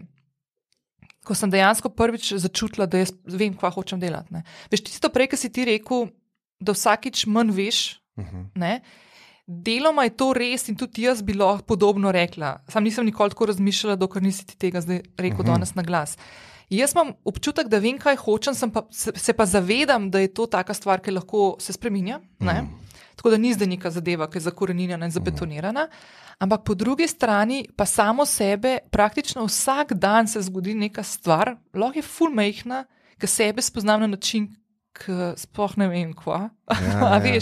mm. Tako da je, je tako mal ta, ta neka fluidnost, da ne morem danes reči, da ja, to sem in to nisem. Ne, ne. Ampak pustim tukaj prostor, en ful velik prostora za te stvari, ki sem se jih še nedolgo nazaj, ko boš jasno bala in utepala in od njih bežala. Mm. In jaz, na primer, sem v to COVID situacijo stopila ful, polna energije, uh -huh. da be, ne, ne z lockdownom ene tri tedne predtem, še nekaj bil Bergamo, ali ja, pa je bil ja, ja. full daleč. Ja, ja. To se pri nas ne bo zgodilo. Jaz sem skensala naročnike, zdaj sem pa začela ukvarjati s tem, kar jaz hočem delati. A veš, ja. Ne, svetovati ženskam, da bo se boj upale, da rznile na podjetniško pot, pa to ne. No. To je bil ta moj zakaj, ki sem ga mhm. pol leta prej odkrila. In podcast je bil del tega. Ne. Jaz sem ja. podcast pol tri mesece kasneje dala ven tudi. In pa se ta COVID zgodi, ne, in valjda podjetniki prvi, vse veš, kako je bilo, ne? Kako je to izgledalo. Prvi smo bili uno, kava zdaj. Ja. In jaz, valjda, prvi bil, odziv je bil, zakaj se to zdaj meni dogaja. Ne? A veš, jaz končno najdem, kva hočem delati, in zdaj se svet zapre. Valjda, un ego, veš, tebi se to dogaja, valjda ja, se ne ja. dogaja tepne. Mm. In pol počas, počas, počas. Kaj se je pa pol zgodilo, ne dva tedna po tistem, ko je začela popuščati ta panika? sem pa jaz začela ugotavljati, da sem neskončno mirna oseb, kar mi je bilo fultuje. Fultuje. Jaz nisem miren človek, bila nikoli, jaz sem bila vedno tako tesnobna, anksiozna, živčna, skozi se mi je moglo nekaj dogajati, valjda zato, ker sem mogla imeti za, z, možgane, pa misli, sem mogla imeti zasedene, da se nisem ukvarjala s stvarmi, ki so mi bile mm. pomembne. Kontratep, naprimer. Ne? Aha, jaz pa vidim, da sva mm. ista tukaj. Sej, pa se sva, po mojem, zdaj fulbol. Recimo, uh, korpo okolje sva se spoznala, ja. zdaj le neki uh, migava skozi, a ne ja. ustvarjava. Um, jaz mislim, da iz uspeh vedno izhaja iz nekega pomankanja. Ne? Uh mhm. -huh. A veš, ko hočeš dofilati nekaj uh -huh. in mhm. to je pač kontra od mira. Uh -huh. Če lahko sploh rečeš kontra od mira. Uh -huh. Um, in ja, pač vse te travme, mogoče najne, nas, naj v bistvu pušajo v to, da sva v nekem smislu uspešna. Uh -huh. In to nam je všeč. Ja. Ampak ni nam pa všeč, ker ni mera tukaj. -huh. Uh -huh. In pa imaš tukaj ta mali problemček. Skozi imaš paradoks vse. Ja, skozi imaš, ja. imaš ja. paradoks vse, ker nisi ena stvar. Uh -huh. Ampak si mnogo, mnogo, mnogo stvari. In pa imaš en mali delček tebe, ki je ego, ki misli, da je dirigent vsega tega. Ne? In tukaj, po mojem, se skriva uh, veliko, veliko, veliko bolečine, oziroma vsaj pri meni vse, uh -huh. še vedno. Trpim takrat, kjer ne vidim čez to iluzijo tega, uh -huh. da mhm. jaz nisem uh, ta ego. Mhm. -huh. Takrat, ko sem pa identificiran s tem, pa svojim uspehom, pa svojim podcastom, pa uh -huh. svojo punco, pa svojim avtom, takrat pa trpim ne? in uh -huh. um, tam ni miru. Uh -huh.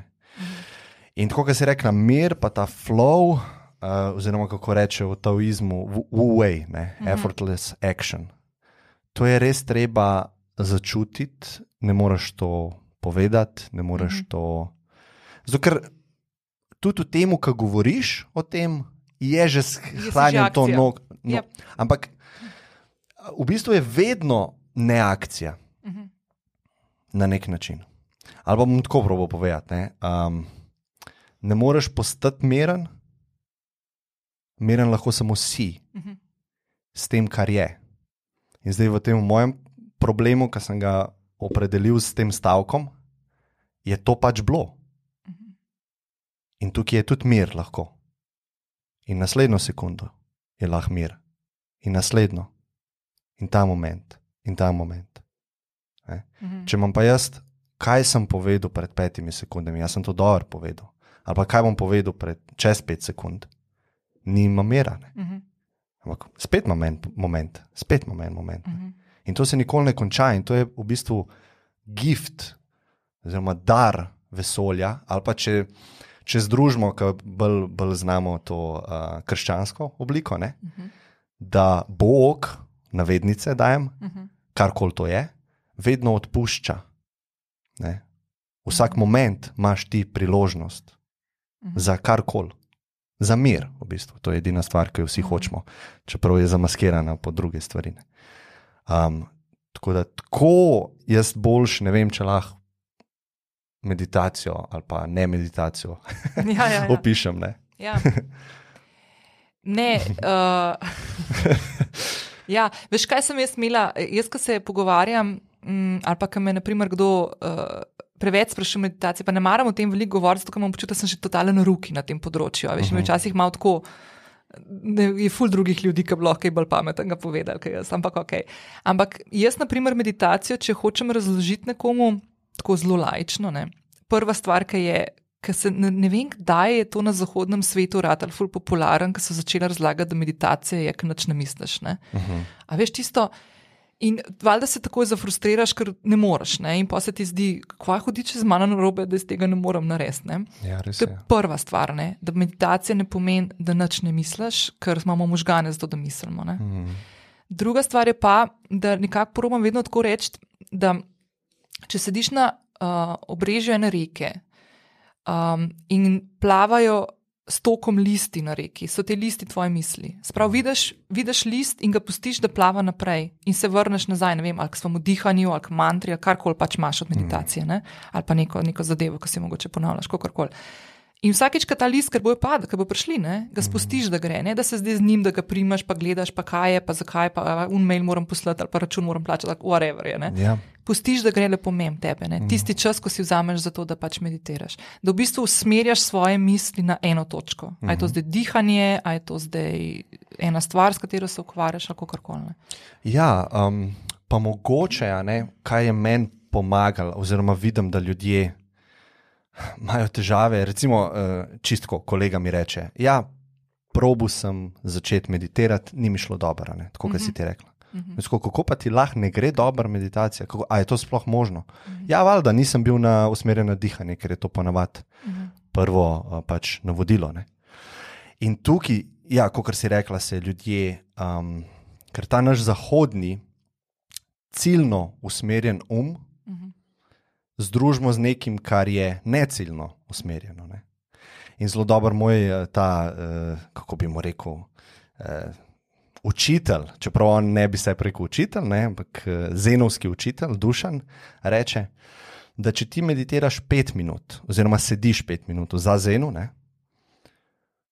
je popolnoma vseeno, če ti uspe biti na dihanju 4 minute 59 sekund, pa potem eno sekundo si um, izgubljen v mislih. Je popolnoma vseeno, če se to zgodi, ali pa obratno, da si ti 4 minute 59 sekund izgubljen v mislih, Mhm. pa eno sekundo usmerjen na dihanju na koncu. Mhm. Popolnoma vseeno je.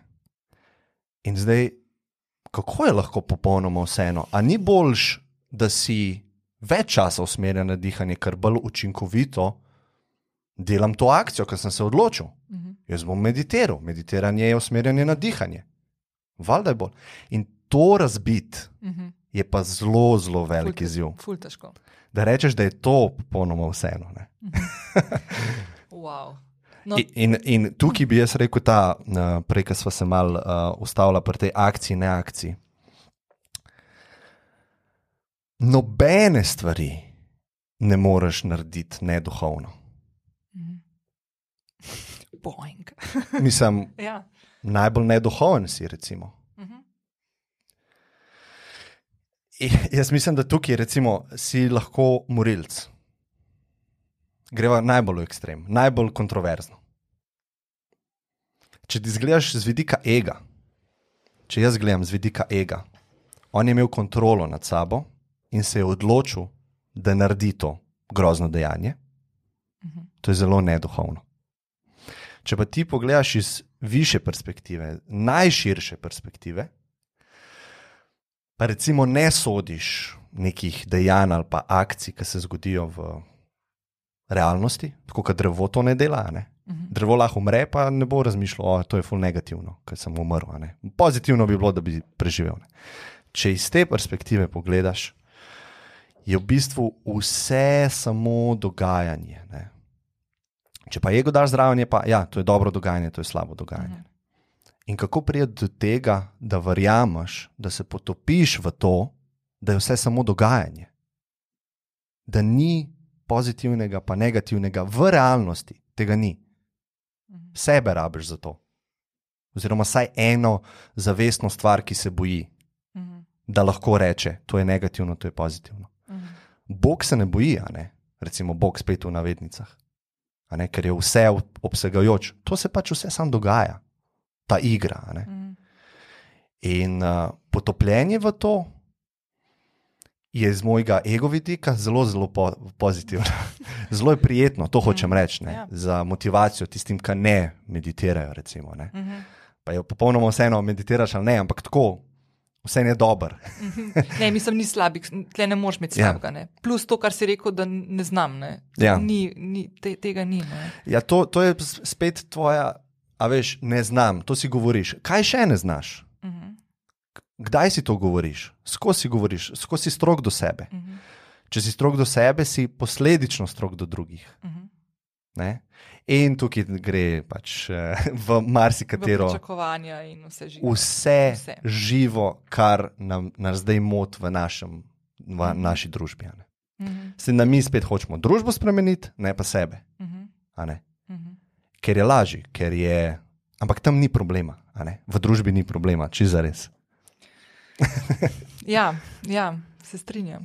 No, Ne. se, lahko se ne, ampak. Ne, ne, ne, se strinjam, ne, mislim na individualni ravni, mislim družba. Valjda je tudi družba ima svoje izzive, ampak smo mi tisti, ki smo člani te družbe in moramo te stvari začeti. Veš, to mene, na primer, ful žalosti, to zdaj zadnje leto, ne, ki v bistvu je zgledal ne, na začetku, lani. Hm.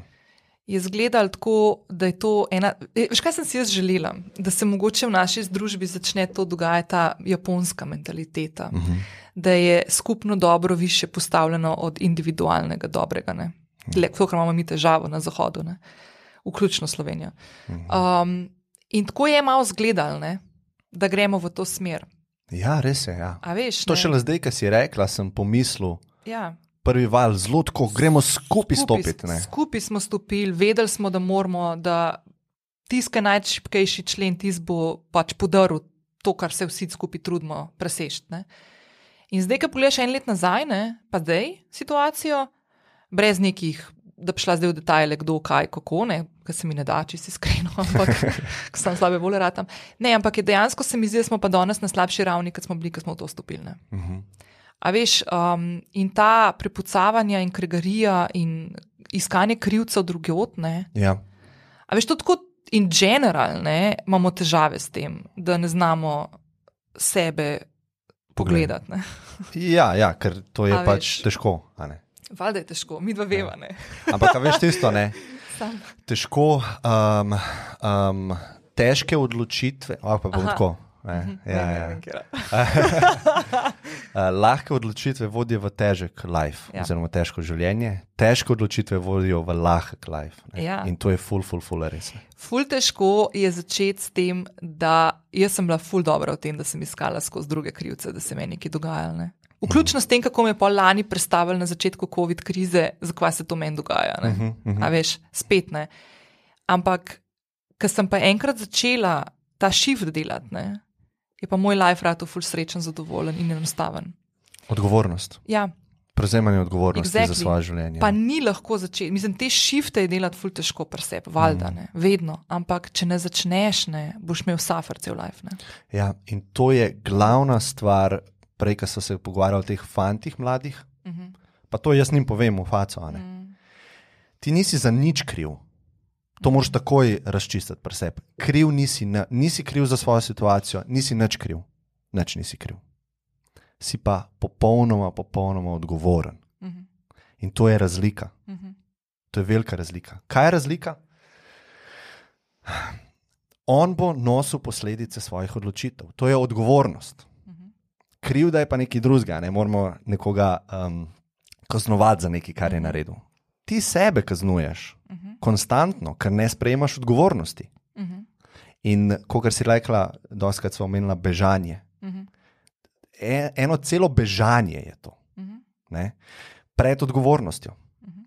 Lažje je prijeti telefon v roke, iti na TikTok, oh, kam so šle štiri ure. A veš, ne? Ja. Lažje je to, kot kar ne vem, zdaj te pa se stvari. Grem laufat, grem na sprehod, posvojim psa, um, -hmm. da si neke rutine naredim, ali pa želim podcast um, launčati. Ne morem se usesti, ne, lažje je. Ne? In to so te lahke odločitve. Lahke odločitve so zato, ker ne sprejmaš odgovornosti. Ne? Pa In to je to. odgovornost zahteva akcijo. Uh -huh. To, da sebe kriviš, ali pa koga drugega, je, pa stat, je, pa tako, je pa status quo v bistvu. ja. ne. Je tudi akcija, ne? ker Je, kri- je akcija, ne Ja. ta, zdaj poteka. Samo slaba. slaba ja. Ja. Ampak ne una res taka, da neko res hudo, neko aktivnost od tebe zahteva. Pa nek, ne. Res je, ja, res je. Neka ustvarjalnost, recimo. Ja. To so pozitivne akcije. Um, ali pa doprinos k svetu, da bo boljši, vsaj en milimeter čaka. Ne. To je pač ustvarjalnost. Ne. Nekaj si ustvaril, kar prej ni bilo. Lahko da si poklonil na smeh prode, p- prodajalki v trgovini. Ti si ustvaril ta nasmeh, ne. sprav si bil ustvarjalen. Ker si pa destruktiven, a ne, je pa to, kriviš druge in v bistvu zaradi svojega slabega stanja hočeš druge dol povleči, uh -huh. zato da se ti boljš počutiš. Uh -huh. In vso obsojanje je v bistvu to. Ker, kot si rekla, akcija. Ne, poznam enega tipa, ki je v Avstraliji um, zelo, zelo ga skrbi okolje, tako kot veliko ljudi. Uh -huh. Ampak veliko ljudi govorijo o tem, pa morajo te tovarne to narediti, pa morajo te. In to je tudi prav, ker rabimo to v družbi, moramo, uh -huh. moramo jih uh, korigirati. Ne? Ampak kaj je on naredil? On je rekel, jaz bom pa ta mesec živel zero waste. Se pravi, to pomeni, da niti, niti pikice smeti ne bom ustvaril. Uh -huh. Sprav, če si jaz čaj naredim, moram to vrečko pol nekako reciklirati, oziroma kompost narediti, ali pa karkoli. Uh -huh. In je full, full, ali pa Amazon si naročaš stvari in pač iz teh škatel moraš nekaj uporabenega pol narediti, ne? ti v bistvu skozi uporabljaš. Ne? In moj point je sam, da on je šel v akcijo, pa v example. On je bil kot primer tazga sveta, ki si ga on želi. In to je stokrat, milijardokrat, neskončno krat boljše, kot kar govoriti, kakšen bi svet mogel biti. Ti bodi primer življenja, ki ti želiš, da bi ostali ga imeli. In to je to. Da želiš drugim to, kar želiš sebi. Ne? Um, Čez- da želiš drugim, tako ja, ja ali pa obratno. Ja, no, Želiš ja, sebi to, kar želiš drugim. drugim. Ja, Ja. ja. Ja. Ampak to je zelo enostavno, v bistvu. Ne? Ja, ja, fulje govorjenja in to je spet lahka odločitev. Ne. Napišem Ja. Facebook post, dobim 300 šerov, ki pizdim čez politiko, Ja. nekaj sem kao naredil. Ne, Mhm. ne nič nisi naredil. V bistvu si vzbudil v ljudeh negativna čustva. ja, še dodatno. Ja. Ja, in tudi to, veš, kaj- lahko narediš. ne. Ker res ni, velik, res ni treba veliko. ne. Um, pa jaz to lahko, mislim, jaz sem bila, to, kar sem rekla, sem čist drug človek. Jaz sem bila ena teh ljudi, ki sem znala tako ful prepucavati to, ne, pa negativno energijo ustvarjati, pa provocirati, pa to. Jaz sem tle imela tako neko obdobje, kar fajn gorivo sem dobivala tukaj. ne. Mal Mm. karakterno bilo, tudi malo zato, ker sem imela take vzglede, malo zato, ker sem je fajn zdel in tako naprej. Mm. In ko zdaj pogledam nazaj, ne, oziroma ne, ko pogledam nazaj, zdaj, ko gledam, naprimer, za- zadnjič sem se pogovarjala s to jasno, ko se, so se spoznali na Twitterju pred desetimi leti, ko je bil Twitter še tako lušno okolje. ja, Veš. sem res. Ja. tako, družili smo se, dobivali smo se, a veš, tako luštno je bilo. Ne? Ja. Zdaj, ko pogledam gor na Twitter, ne, Mhm. to je. ja, veš kaj, jaz imam pa drugačno izkušnjo. Jaz Twitterja nikoli nisem uporabljal, zdaj ga pa full, ampak sledim pa 30 ljudem. Jaz tudi 50. Ja. Ampak ne vidim, ok, ja, imaš, ne, jaz imaš moram prav. iti je. pogledat, jaz moram iti Ha, pogledat. ja, da ja, ja, ja, ja, ja, ja. A veš. Drugače je tako omrežje, ki ti v bistvu enega zabiješ s kratkim stavkom Ja. ja. in se prepucava. tako, kot si rekla. Exactly. Kdo Je, bo bolj grd? ne? Tako. Um, pa, veš, kaj mi je, ful, ne vem, kaj sem naredila, kaj sem pritisnila, ampak nekaj mi je ratelj na Twitterju narediti. Da tudi, kaj jaz kaj objavim, pa se kakšen spo- spodaj pol zgodi, kakšna greznica, ker se tudi sem pa tja, kakšna stvar zgodi, ne valjda. Um, ne vidim, veš, ne dobim notifikationov. Aha. A kaj si izklopila? Ne vem, kaj sem naredila, ker notifikation od tistih ljudi, s katerimi pogosto komuniciram, uno vidim, ko me kdo omeni. ne. Ampak če pa nekdo komentira, kakšen moj post, pa vidim v menšni samo tiste, ki jih jaz ne sam spremljam, ampak tako, ker sem imela že neko interakcijo. In to sem zadnjič spet opazila, ker je ena napisala, ena je delila nek moj post. In je rekla, no, pa, pa poglejte, prnini spodaj komentarje. In sem jaz to prnevila, sem rekla, čak, da grem jaz to pogledati. Ja. Več, nisem vedela. Ja, Ja, pa sem to videla, sem si mislila, super, imam jaz to funkcijo narejeno, Ja, ja, če ja. bom spremenjala. Ne vidim tega. A Ja, veš, ja. tako. Ej, to sem te hotela vprašati, ker si zdaj dvakrat omenil, uh, da dobiš sporočila ne, od poslušalcev. Ne. Mhm. Kako pa to, kaj handlaš? Um, po moje je lažje, kot ti, ker jaz nimam tega tok spet. Ma, mislim, se, ne, zdaj nisem številčno. Ne, ker Ne. ne, ne, vem, ne vem, iz kje izhaja to vprašanje. A, v smislu handlanje vsebine ali handlanje števila? ne, handlanje bolj vsebine, pa kako ti pol te stvari sam predeluješ. Ker to je lahko včasih tudi malo, zna, z, mislim, Čisto vsazga povabim sem na čaj. a res? Ja, Ok, pa pridejo. ja. Wow. Uh, 80% ali pa 75%. Oh, wow. ja. Tudi da, ja, tja še moram pol. Jaz imam nedeljo, ne. Kaj mi pišejo, jaz rečem, v nedeljo prid na čaj, ampak v nedeljo mi napiš. Aha. In pol jaz nedeljo se usedem, odprem koledar in sam noter dam, tuf, tuf, tuf, tuf, tuf, tuf, tuf in dam še tjaši, da ve, kaj se tu dogaja po fletu. In uh, ja, um, ful mi je všeč ta osebna Ja. ja. interakcija, pa to, da lahko on svojo zgodbo pove, ki mogoče ni imel, noben, noben jih ne posluša, a veš. Ja. In sam to, ne, nič, da bi jaz kaj pomagal, da bi karkoli. Ja, ja, ja. Sam pač poslušam zgodbe. The best. Ne, jaz sem to mislila, jaz tudi vsakmu odgovorim, uh Mhm. -huh. vsaki, pretežno, no, vsaki odgovorim, um, se zaklepetamo. Um, ampak ne veš, kaj sem bolj mislila. Kaj sem jaz ugotovila in se naučila, da uh, zgodil se mi je, kdaj na zadnje, mislim, da je ne dve leti nazaj. Ja, hotela sem napisati en uh, zapis, takrat še nisem na podkastu, sem hotela narediti, če se te strah. Jaz sem se takrat ful ukvarjala s svojimi strahovi v življenju. Ne? Tako meni je bilo skozi vsega strah, ne? tako skozi. Jaz sem začela te strahove, zdaj tako ne tri leta nazaj. Tako Ja, ful dobro. pa zdaj z glavo, veš, pa na Vim Hofa. Pa v, A, ja, ja, sem videl. Ja. Ful dobro. Ja, No, fakt je. ja. jaz, mislim, sploh mi ni jasno, kdo sem res. Ja. Veš, kaj, Spogledaš v špegu, pa si misliš, pa, ampak in na good way. Wow, ne.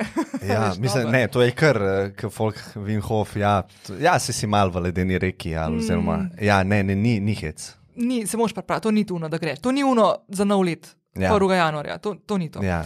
No, no in, je, in, in sem vprašala, če se vas je strah. Ne? Ja, in naprimer sem ugotovila, da moram pri sebi filtrirati in ugotoviti, da sem redi za feedback nazaj. Aha. A veš, ker se ti pol, na primer, zgodi, pa niti ni nujno količinsko, takrat je bila tudi količina. No? Ampak se ti zgodi, da nazaj dobiš odgovore, ki si jih dejansko povabil in vprašal. Ne? In ti, na primer, nekdo napiše, ki ga ne poznaš, ne? Pa ki si odgovorna oseba, pa ki te zaskrbi, pa reče: strah me je življenja. Ne? Mhm. In zdaj sem v bistvu zadnje dve leti se ful ukvarjam, da tudi kaj so vsebine pripravljam. Da kljub temu, da so vsebine, tako kot ste se prej pogovarjali, da imam jaz tudi neko izkušnjo ali pa neko povezavo s tem. Naprimer, jaz ne bom govorila o bitcoinih, ne bom govorila o psihadelikih, ki še trave v življenju nisem kadila. Ne? Pametno. Ja. Če bom pa kdaj to probala, ne, pa, pa lahko kakšno stvar pač povem, ne, od neki svoje izkušnje, oziroma se pogovarjam z nekom, ki nekaj več ve, pa pol povem jaz svojo zgodbo. Ne. Make sense, ja. ja, ampak zdaj sem res prišla sem do tega, jaz sem včasih full overshare delala, ne, vsega. A veš, to, kot smo se prej pogovarjali, ja, valjda, moraš biti, ne, pa ta glava na vasi, pa uno, pa zdaj sem jaz odkriš. Bajdo je lovim ravnoteže se je zgodil iz totalno uh, pravno. Um, iz prepričanja, da sem jaz zdaj ugotovila, kaj je smisel life. In jaz sem zdaj formulo našla. Aha. A veš, ne? Uh -huh. Prepotentno razmišljanje o tem, da zdaj pa jaz vem, kaj je to balance v lifeu. ne. Uh -huh. In pol mene pol leta kasneje udaril, da, Da ni zbral balans.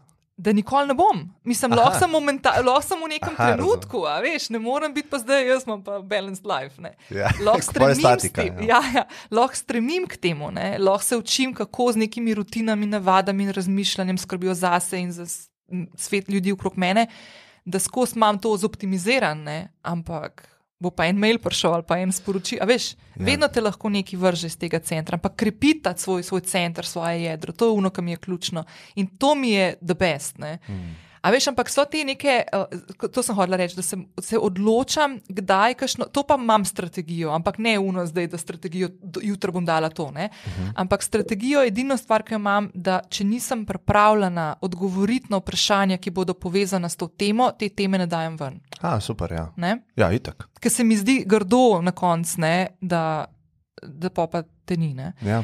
Um, ampak so, veš, take, so, so tako, um, ful mi je zanimivo. No? Zanimivo je to, ker uh, se po mojem, evo, smaš ti isto, če te tako kontaktirajo, pa pridejo, pa se hoče pogovarjati s tabo. Ne? Ja. Da v bistvu prepoznajo v tebi človeka.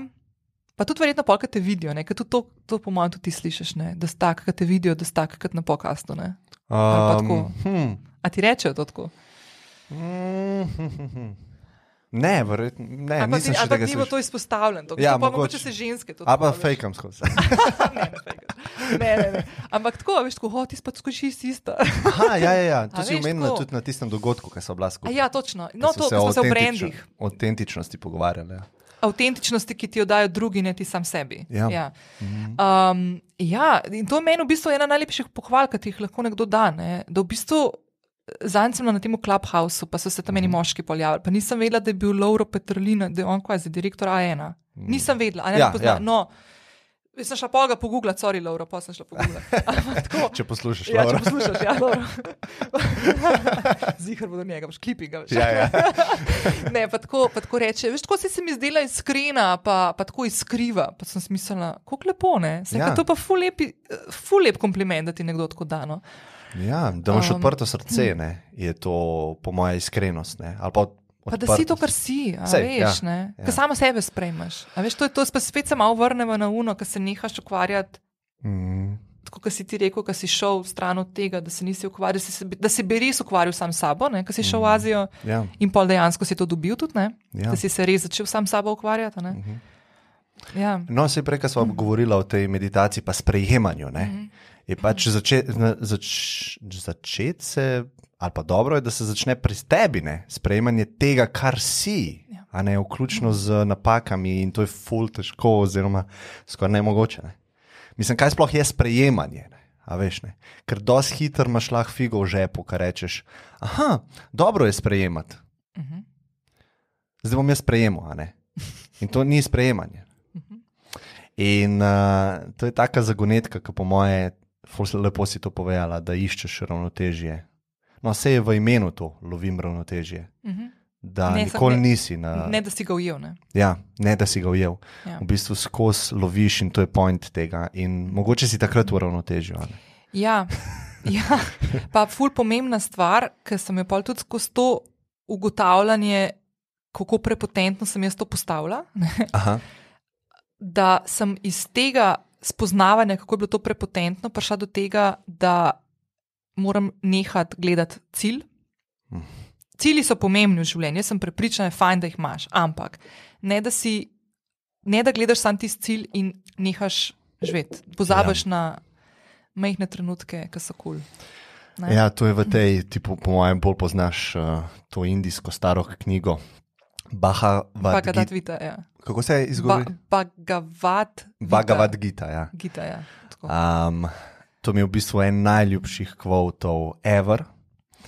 In gre nekaj tako, gre podobnega. Um, upravičen si do svojega dela, nisi pa upravičen do sadov svojega dela. Mhm.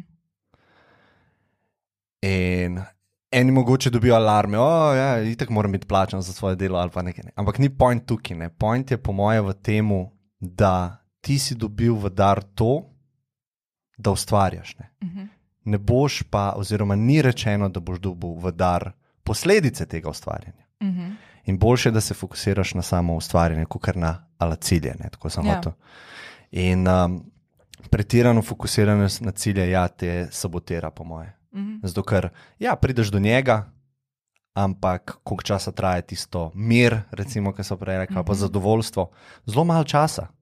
Ne, ker že gledaš drugo stvar. Ne? Tako je, ja, in je spet nov cilj. Mhm. In zdaj, če si pretirano, in to je prav tako, ne? cilj, dosežem nov cilj, ampak pretirano Mhm. fokusiranost na cilje, zgubiš v bistvu glavno pot, ki se, Mhm. glavno stvar, ki se dogaja 99,9% časa tvojega življenja, je pa uh, pot do cilja. Mhm. Ne? In v bistvu žrtvuješ ful velik časa, potencijala za tiste male, male trenutke, ko ti pa pris, prispeš na cilj in zdaj si ti zadovoljen. Ne? In to se mi zdi ful škoda, in po mojem je tukaj potrebno razumevanje, da to je v bistvu meni duhovnost. Mhm. Nič čarovni, nič enih um, komplikacij, zelo racionalna stvar, kar rečeš, a se mi splača to, ali se mi ne splača. Ne? A bom vesel, ko bom to naredil. Ja, Ne? ja, a bom Veš, dobro življenje imel. Ja, ja. a? In uh, dobro življenje je boljše, kot slabše življenje. Ej, poslušala sem uh, enega od vaših m, dialogov, mislim, da silvestrski, uh Mhm. -huh. ki ste se. Ki ste se zapričali o sreči. Mhm. Ne? A In- kot happiness ali lak? Odkot v happiness. Se Ja. Ko, sto, ko ste te Andrej pa Jani začela mal špikati, ka- da, da, da, da zdaj, ko imaš ti psa, ne? zdaj si srečen, takrat, ko peleš psa na sprehod. Uh -huh. Ampak pa, pa nisi mogel biti prej srečen, ker še psa nisi imel. veš, Ja, vem, vem. vem. veš tisto, no? Ja, Jaz sem tam, ko sem to ta del poslušala, jaz sem se to kržala in sem Ja. ja. rekla, ne, jaz kot fulštegen, ko govoriš, ne, sem rekla, Ja. ja. kako te ne, a te zdaj zafrkavate, ali res imate drugačen koncept, se kulno, imate pač Pol, pol, drugačen- po mojem, pol ne. zafrkavanja, pol pa drugače mislite. To mi je bilo dobro, ker si, ker si tako nazaj, tako ne, pa to ni tako, da pa poveš Ja. še enkrat po svoje. Pa jaz skozi zraven, pa jaz tako nekaj sem kuhala, meni se zdi, pa, tako, pa dej klemo, pa dej puste ga, veš, kot čisto, čisto, no, odpadla. veš, Utapla se, bogi. Ne, ne, ne, utapla, tako, dej že razumta, no. A ja. veš, tako. Ja. Ne, dobro mi je bilo. No, ampak dej tako, res, dej te me isto vprašala, kaj, kaj je tako, kaj je sreča? ne. ne, ampak ja, ja ne. Ne, se lahko, sam. Ne, ampak bom bolj, tako, bom bolj poenostavila. Ne, kaj, eh, kaj se ti more, kaj, kaj si želiš, da se ti naredi vsak dan, ali pa da narediš vsak dan, da Aha. rečeš, Mhm. danes sem pa srečen. Pa nek moment tako. Ja, že, kaj želim, da se mi zgodi, pa to bom zelo resno rekel, ne, je, da, mi, da imam srečo v smislu laka, Mhm. da se mi vklop zavedanje čim večkrat. Se pravi, da sem čim manj časa izgubljen v svojih mislih in v trpljenju ali pa Mhm. nezadovoljstvu. Zakaj rečem sreča oziroma lak? Je zato, ker nimam vpliva na to. Ne? Mhm. Jaz včasih se zbudim, grem na WC in se čutim tako nedober. Mhm. Ne? In zdaj jaz imam dve možnosti, ki nista v moji kontroli. A se bom jaz začel zavedati, da je to ok, ali bom pa začel spremenjati svojo okolico, da bom jaz spet ok. Ne? Mhm. Se pravi, a sem fokusiran na to, kar je, pa sprejmem tudi to, kar je, ali pa pravim to spremeniti. To sta dva moda. Mhm. In srečen z vidika happinessa sem, ker se čim večkrat zavedam, oziroma ker čim manjkrat spim v tem svojem egu, Mhm. kaj bi mogel biti, da bom jaz ok. In um, to lahko raztegneš na kjerkoli časovno obdobje. Ne? A veš, lahko rečem, naslednji let bom ok, ker imam te plane in bom to naredil, in pa bom ok. Mhm. Lahko pa je danes, ko bom jedel ali pa ko bom telefon zagrabil. In to se ful na nezavedni ravni dogaja. Ne? Mhm. In to je spanje. Ne? Mhm. Tako, kar rečejo tudi na vzhodu, ne? da spiš, pa se pa prebudiš. Mhm. Ne? In eh, to prebojenje, um, takrat sem srečen, no, ko sem prebojen, ko se zavedam cele slike. ne. Ampak kaj pa narediš v trenutku, to sem imela jaz en tak dan včeraj, ko sem cel popoldne preležala, ker sem na totalno low energy in si dovolim, da je tak trenutek, oziroma Mhm. neko, ali pa popoldne, en sred delovnika, ne? kako si jaz to predstavljam zdaj. Ne? Mhm. Ampak je pa pol umestne, ko si pržgem Netflix, pa si rečem klincne, Ja. bom pa jutri naredila. Ja, ne. ja. So noter vmes še vedno trenutki, ko si sama sebi notranji glas mi reče, mislim, resno? Aha, A veš, ne? ja, ja. In pa imaš spet to odločitev, ali boš to zdaj naredil, okay, pa kot si rekel, spremenil neki, ne? Mm. Mhm. ali boš pustil, tako kot une listke, a veš, po vodi, ki Ja. plavajo. Ne? Kaj Ja. pa ponavadi narediš, pa? Dva načina sta v, mojem lifeu. En je tak uh, stoičen, Uh -huh. Um, stojki so bili pač neki uh, filozofi v Rimu, pa v Grčiji, ne? ampak uh, tako zelo taka racionalna filozofija. Um, en način je ta, da si rečeš, um, da si predstavljaš neko negativno situacijo, kjer je zdaj le še ni. Mhm. Recimo, pokličete zdravnik in ti reče: Klemen, odkrili smo tumor, tumor uh, na tvojih možganjih, imaš še en mesec življenja. Ne? In ti si pač predstavljaš to situacijo, Mhm. in pol, ko verjameš svojim bi bitom, da si tam, prideš nazaj v to realnost, ker je mnogo boljša. Mhm. In praviš biti hvaležen, ker tega ni, pa ker so ostale stvari. Ne? Se pravi, to je Mhm. tak nek racionalni uh, način, ki pač enim ljudem pomaga. Ne? Mhm. Drugi, po moje, pa trajni, um, trajna rešitev je, ki je pa malo kontroverzna, je pa da rečeš, a sem sposoben sprejeti to stanje svoje, če bo od zdaj pa do konca življenja tako. Mhm. In če si sposoben, pol boš zelo hiter ven iz tega stanja prišel. Ker sprejmeš popolnoma eno stanje, se pravi, ne boriš se več proti lifeu, proti vesolju, proti sebi. Pač tako je, zdaj, kaj je. Mhm. A si sposoben sprejeti, da bo tako do konca lifea. In včasih je ful težko, ker gre za um, težka stanja. Lahko, ne. Mhm.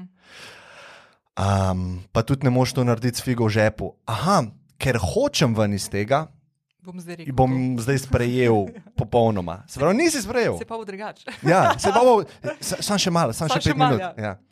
Um, tako, pač popolnoma. Ne. Ja. To je pa po mojem trajna rešitev za vse težave v člove, človeškem življenju. Mhm. To je pač Buda odkril, Mhm. a ne, vse o tem zdaj govoriva. Ne. Mhm. Opazovanje tega, kar je in to je sprejemanje. Ne. Mhm. Brez sodbe o tem. In um, če si ti rečeš, da se počutim najslabši in tako bo do konca življenja, ampak sem ok s tem, Mhm. si sprejel to. Mhm. Tako no. Ampak je, mislim, to je zdaj vse teorija. Ne? Ne, ne, vem, vem, praksa je pol. Men, ja, ja. To sebi govorim. Ja, Zdaj. ja, ja, vem, vem. Klemen, to je vse. teorija, Se pa pa jutr, ko se bom ne. zbudil. Ampak imaš vsaj nekaj, proti čemu stremiš. Ne? Ja, Ne, tako da. the best.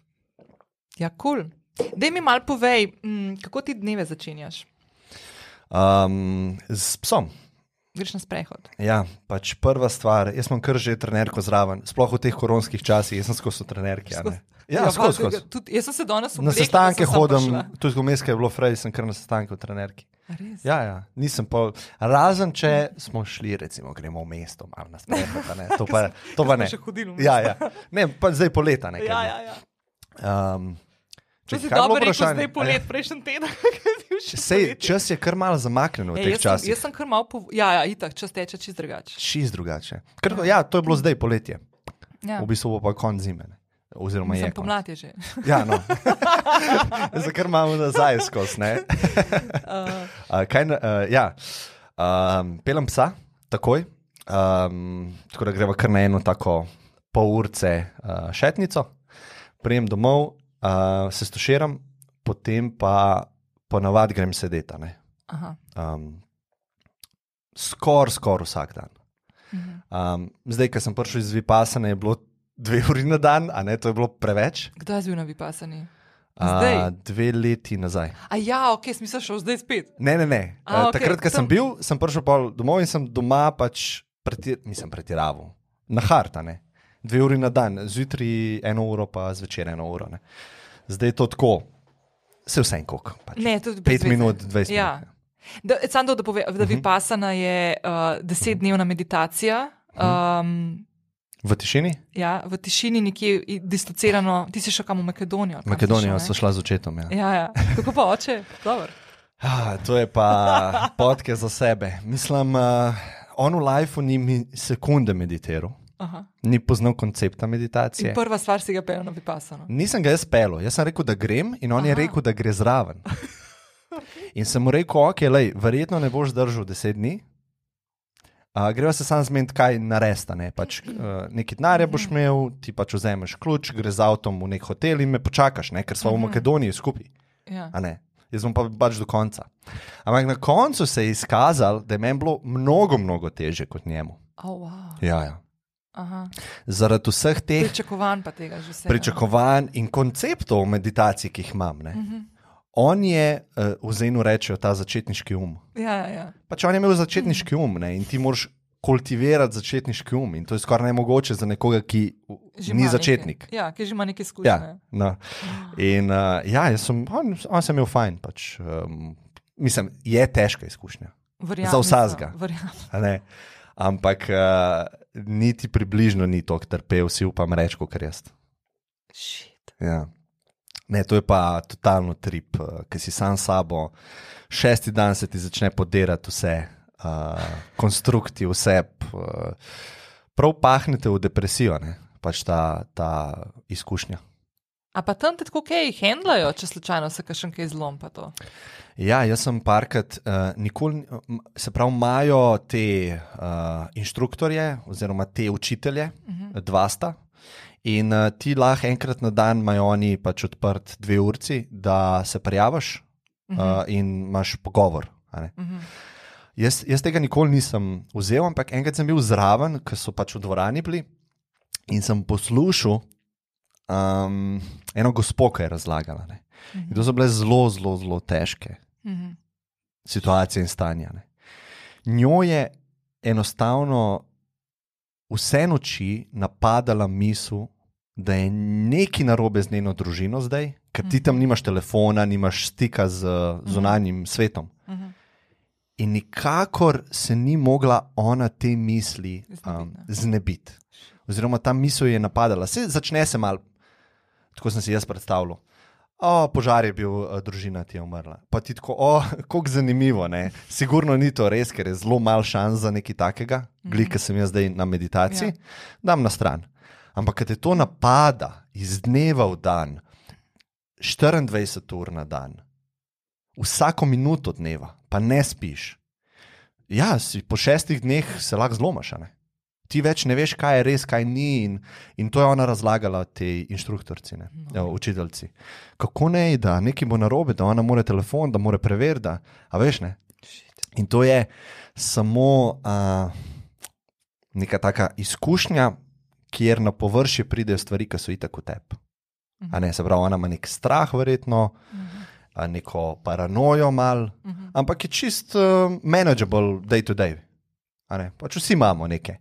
V takih ekstremnih situacijah, ne, in tukaj tudi pač eh, dajem v to kategorijo psihedelike, ne, ker te dajo v ekstremno situacijo in se stvari samo potencirajo.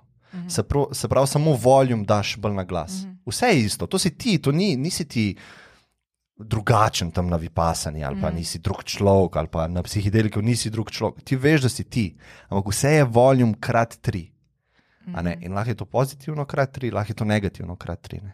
Ampak ti spoznaš te svoje globine sebe, pa nivoje, ne. nivoje svojega uma, svoje zavesti, kdo sploh jaz sem. Eh, V bistvu je tako, kot da bi operacijo delal sam na sebi, na svojem umu. To je ta desetdnevna. Tako sem jaz cel cajt doživljal. Zelo boleče, pa sam jo delaš. Ne. Ni noben, ki en ti mal eh, reče, da je skalpel mal tako, pa tako, veš, pazi, da ne boš tam tako, ne. ampak ti moraš sam izvesti to operacijo. Ne, ne gre drugače, ne more en drug na mest tebe, kot imamo večinoma v zdravstvenem sistemu. Ne, ne mi nekdo pomaga. Ja. A ne, jaz sem pasiven kle. Če In, žrtvo rešite me. tako. Ja. In eh, to, to je pač kontra od tega, zdaj pa prvič v lifeu nisi žrtev, zdaj pa kaj boš zdaj naredil? Shit. No, jaz še ne vem, če bi. Mislim, imam- tako željo enkrat probati, ampak me je pa ful strah tega.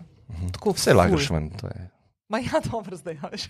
Ne, pa je pa tako. Pa se pa Zakaj pa ne grem ven? Ja, A to pa ego ne pusti. ja valjda, ker mora Pa si zmagati. pa ker mora razdvojen. iti do konca. Ne? ne bom jaz ta, ki bom. Ja, jaz prvi, ki grem ven. Ja, pa fotor bo pa deset dni. Ja, ja. A veš ne. In pa imaš problem sam s sabo. Čakaj, pa videl ste, da s fotom še v isti sobi, ne? mislim v istem Ne. prostoru. A ja, ne. Aha, ok, ok. Ne, ne. Okej. Okay. Noč komunikacije z nobenim. Spravi, jaz deset dni nisem um, imel verbalne in neverbalne komunikacije z nobenim. Ne, to vem, ampak veš, so, ali tako, da so moški in ženske ločeni, itak, Ja. ja. ampak neke skupne prostore meditacijske pa so. To pa sta bila- Tam sta bila noter. Tam smo O, bili tam, skupaj, ja. Ja, drugače pa, ja, ja, ok. Drugače pa. Videl uh, si ga v desetih dneh. Ja, ja, ko je sprehajal, mim Ja, drug ja. drugega sva hodila. In uh, ja, mi dva sva pač uh, imela zelo tak težek odnos. Um, uh, on je bil alkoholik, ne? Um, zelo tako zelo velike težave imel s tem. Pa mama, mama uh, pa ona sta se ločila, ker sem jaz bil 18 let star, jaz sem imel. Mm. Ogromno, ogromno jeze do njega, ogromno. Mislim, tako, sploh se nisem zavedel, šele čez svoje sanje sem v bistvu videl, da sem imel take nočne more, ker sem jaz njega tepel in nisem uh -huh. mogel mu toliko škodovati, kot sem želel. Uh -huh. In um, pač najno odnos je bil čist na psu, nismo se pogovarjali več let. Um, Hočel sem pa to povedati, da recimo sedmi dan na Vipasani. Um, Ej, jaz sem imel zelo velike težave z bolečinami v hrbtu, ko smo sedeli. Um, mogoče je nekaj psihičnega, tako kot si ti rekla. Ko mhm. si v nekem stanju, se začnejo bolečine. Jaz sem točno vedel, ne? Če sem naravnan na določen način, me ta bolečina začne moti in lahko meditiram. Mhm. Ker sem naravnan na drug način, je to, da bi mi nekdo nošil hrbet za rino. In ti si deset dni tam in osem ur na dan meditiraš. -hmm. In mu, mučilnica. Uh -huh. In um, pri enem sešnu meditacije sem se res potopil nekam, sploh brez veze govoriti o tem, ampak sem šel pa ven, ker je bilo konc in sem gledal gore, tam v Makedoniji, in nekaj se je zgodilo, um, neko stanje se je zgodilo. ne znam ga opisati, ampak občutek najmočnejšega mira, mhm. ki sem jaz sploh, sploh nisem verjel, da je to tako stanje možno. Mhm. Spontano se je to zgodilo. Vse je bilo ok, prvič v življenju. Mhm. Zares, zares ok. Zares, zares ok. In sem gledal te gore, in presunil me je, da mene ni, da sem jaz te gore. Pa, uh -huh. A mhm. veš, ta prostorska stvar je šla stran, v bistvu je bila tam. Zaznavanje je bilo čisto isto, ampak občutek notrne. Jaz sem se počutil povezan z vsem. Niti ne jaz, vse je pač sam bilo. In pa sem se zlomil tam na tleh in sem joku, ampak iz ra radosti sem joku, uh mhm. -huh. ker sem vedel, da bo to enkrat stanje, ki ga bojo vsi imeli. Ne vem zakaj. Ne vem zakaj. Tako, tako, tako sem pač dobil nek tak, eh, nek tak, eh, neko tako inspiracijo. In oče me je zgleda videl, da jokam, mislim, tam je bil nekaj stran, ne? jaz sem se odmaknil od vseh. In uh, verjetno je v njegovem smislu to izgledalo kot uh, trpljenje. Jaz pač jokam, jokanje je pomenavati negativno v naši družbi. Ne? Inače se zjokam, in uh, hodim proti svoji hiški, in slišim za mano nekdo hod. Mhm. Nekdo hod. In me prime za roko, in meni čist isti šok, ne, mi ne smemo med sabo nič, kdo je zdaj to. In se obrnem in vidim, da je moj fotor. In jaz sem mu že hotel reči, ne več govoriti, ne, ker ne smemo govoriti. Ne. On mi je pa samo tako jabolk mi je dal v roko. In uh, ne, ne vem, to mi je takrat pomenilo ful. Mm. To je bila neka taka, vse govorim iz mojega vidika, najna sprava. Um, v bistvu najlepša stvar, ki sem jo jaz videl v svojem življenju, ne? da je to en to naredil. Ne? Pač jabolk mi je dal. S tem je nekaj mi je dal, nima veze kaj, ampak s tem je pokazal, da uh, čutim te. Mm -hmm. Vidim te, čutim vidim te, čutim vidim te pomagam ti, mm, karkoli, vse. Ja. In jaz grem v, v svojo sobo in se tako joka, lije iz mene, ampak to mi je mm. dober del, ne? to je neka travma, ki se je odprla in se je pucala. Prav tako sem čutil.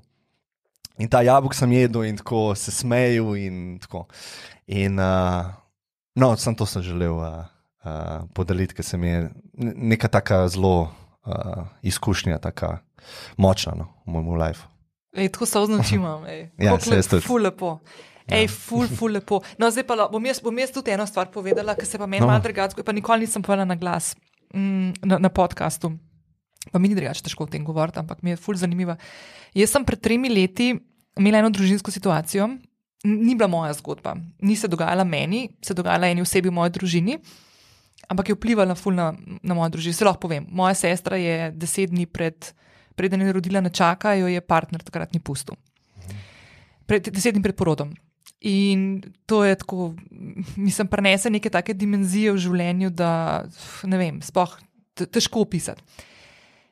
In te potegne noter in te posrka noter. In jaz takrat sem bila še mal drugačen človek, kot sem danes, ker sem zaradi te izkušnje, ker je bila tako močna, eh, šla na eno terapijo.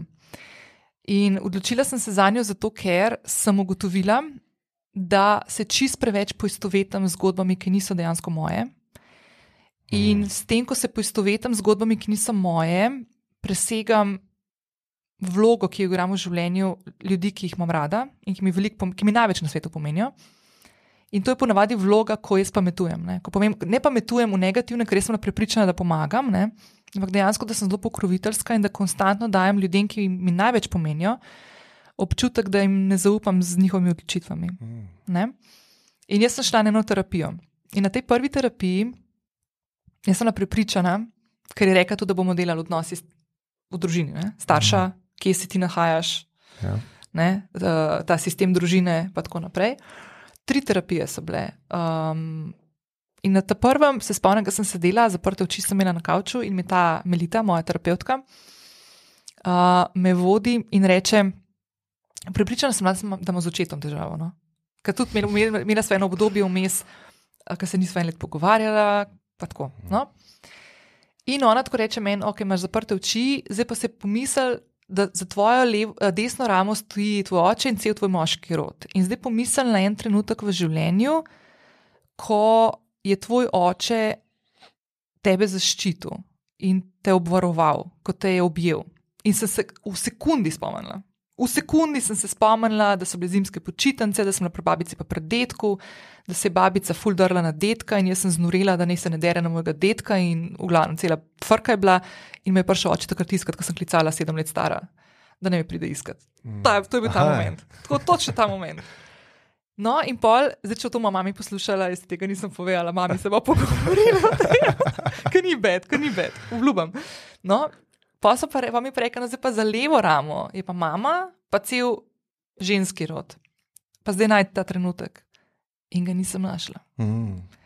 In sem skozi zaprte oči začela jokati histerično, ker sem bila tako pravno, what the fuck se ti dogaja. Ne, mm. ne jaz nimam tle išil, jaz imam ja, ja tle. Ja, ja. In pa prideš do tega, da v bistvu je ta odnos mama-hčerka ali pa mama-sin tudi. Ne, da da je ogromno enih teh dimenzij, ki se, ukvarja, ki se dogajajo, pa zdaj ne bi šel neki v detajle, ker res ne brano. Ja, ja. to slišiš. Ampak v glavnem se ogromno enih stvari odvija in dogaja tle, ki sploh ne vemo. Ne? Mm. Uh, gre tudi, tudi so manipulacije z obeh smeri. Tudi otroci ful manipulirajo starše, starši tudi znajo manipulirati otroke in tako naprej. Um, ampak je tako, to naprimer je bila meni ena taka odskočna deska, na katero sem potem začela nalagati to svoje novo dojemanje sebe. Mm. Skozi te stvari, ne? skozi poznavanje tega, kako jaz reagiram. In, in ful bi bil smešen, ker se spomnim, ker sem ta prvi session zaključila in, in mi reče, in mi reče, Melita, se vidva naslednji mesec. In jaz rečem, uh, ok, kaj moram do takrat narediti? Veš, ko valjda je odkluknica, ja, ja, ja. Da bom pridna, ne, da bom ja. dobila pet na koncu, da bo rekla: Bravo, ni na dobro, si to naredila. In ona tako, noč ne rabiš, pesko kako. Hm. Nina, vse se že odvija. In pol sem to ugotovila, zdaj pa en primer povedala, ker takrat sem se pa, vsaj, zdaj po mojem, bom dobila so vznoči, no, ali pa mogoče ne zdaj, ki sem rekla. Hm. Um, ker sem se preselila v ta stanovanje, v katerem zdaj živim. Uh, sem prosila očija, če mi pride zvrtati lukne, da mi obes uh, luč novo nad jedilno mizo.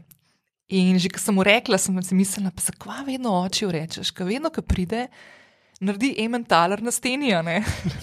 Moči sicer ima, veš, se znane. Ja, ja. Ampak vedno je neka fora. Ne? Ja, spet ja. boš slabe volje, spet so sta skregala in kva hodiča. No? Uh mhm. -huh. In moj oče pride in začne vrtati, in je mogel tri luknje zvrtati. In dve luknje je zvrtal popolno, Aha. in ta tretja je začela na, na, na lestvi stov, in ta tretja luknja začne vrtati, in kar naenkrat v enem momentu vse luči ven vrže, ker je zgleda, se dotakne žice. Wow. Ja. In stara Nina, ne, bi bila tisto. Pizda materna spet, ne? Ja, ja, ja. A moraš enkrat, a lahko enkrat, brez pizdarine. to dejansko debata taka bila. Ne? Ja. In jaz v tistem tako rečem, umirjeno, a si ok. In moj fotor, sozne oči, sozne oči dobi in začne. A si lahko ti že enega deca najdeš, da ti bo to pomagal, ker vidiš, da ti jaz vedno zjebam. Že on je pa tudi vedel to. Ne? Ja, ja. Oba Ampak, valjda, valjda, ampak jaz moj ego, ne, zakaj mi on to skozi dela, zakaj mi mora vedno vse uničiti. Ne? Ja. To. In jaz njemu nazaj rečem, ampak meni je tako lepo, kad ti prideš meni zrihtati. Mm. In ko sem to na glas rekla, jaz sem sama sebe, kratko veš, malo obstala. Tako, Kaj si zdaj rekla? Oprosti. Jaz sem to rekla. Ja, ja. ne, to, to ne, ampak ja. Jaz sem to rekla, jaz sem sposobna to reči. Kaj je to zdaj? Ja. In tle sem videla, da se ta premik dogaja. Mm. Brez akcije. Ja. Ne, če se zdaj navežem nazaj, kar smo se danes pogovarjali. Brez te akcije, brez tega, ki je Melita meni razlagala, ni nalej, ko boš ti začela spreminjati dojemanje sebe in energijo do sebe, boš spremenjala energijsko polje do vseh ostalih ljudi in se bo ljudje začeli spreminjati. In to dejansko drži. Tako v nulo. Ja, res je. Ja, ja čeprav um, imamo težavo s tem, ne pač razumevanjem mm. tega, ker se nam zdi čire čare, ampak jaz se popolnoma strinjam. Ne, pač psihologija, Mhm. ali pa ne vem, kako sploh temu lahko rečemo, medsebojni odnosi Mhm. so tako kompleksna stvar, Mhm. da jih ne moreš ti skontrolirati. Pač vse, kar lahko Ja. narediš, je, da odpreš srce, Mhm. ko kar lahko. Se Ja. vedno ga odpreš to, kar lahko, tisti trenutek. Ja. Vsak dela po svojih najboljših močeh, vsak trenutek. Mhm. In to, kar sem jaz za očeta ne, začel verjeti, da pač on je delal po svojih najboljših Mhm. močeh, jaz sem delal tisti trenutek po svojih najboljših Mhm. močeh. In uh, nikoli ne obstaja situacija, kjer nekdo ne dela po svojih najboljših močeh. Ne. In če se to zavedaš, res, res zavedaš, da to razumeš, ti je ful lažje v medsebojnih odnosih. a ne. Lažje odpuščaš, a ne. Razi- lažje razumeš drugega, imaš To. empatijo. To.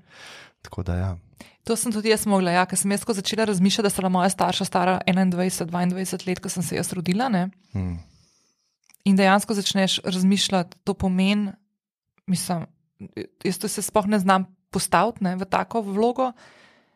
In začneš ja, razumeti, da delaš po najboljših močeh. Ne. Ja. In, ja, in začneš razumeti. Pol ugotoviš, da mogoče tudi za kakšne stvari, vsaj pri meni se je to pokazalo, da za kakšne stvari, ki sem mislila, da bi mogla odpustiti, sploh ni bilo, raz, mm. sploh ni bilo išil, karkoli, je bilo samo za razumevanje. Rabila sem prostor, da sem razumela to. Ja. Niti ni bilo za, za karkoli odpuščati v nekih momentih, ne, v nekih neke stvari, ki, so se, ki sem mislila, da so take, da jih bom mogla predelati. Ne. Ja. Tako ful zanimivo, no, ampak ja. Ja, in, in prej, ko smo začeli smo pogovor s tem, da vedno manj veš, oziroma vedno se bolj zavedaš, da nič ne veš. Uh -huh. Ampak če se tega zavedaš, je to neko razumevanje. Ne? Mhm.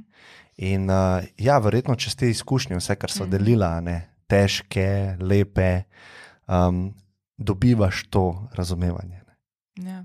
Razumevanje o tem, kaj to je, To v bistvu kar se ful- dogaja. Ful dobro za to povezati. V bistvu, v bistvu, ja, da se prepuščaš res, tako- res to, pa pustiš, ne? Ja. pustiš stvari. ja, tukaj se pol, če lahko rečemo čarovnije, Uh -huh. Uh, oziroma, rečejo čudeži, uh, spirit, uh -huh. um, re, religiozni ljudje rečejo čudeži. Ne. Uh -huh. Tukaj se pa čudeži dogajajo, ki jih razum ne more uh, se jih uprijeti, ne. Uh -huh. ne moreš jih opisati, ne moreš jih logično razumeti. Ne. -huh. In um, tudi čudeži so del life. Ne, Uh -huh. ne moreš reči, da niso.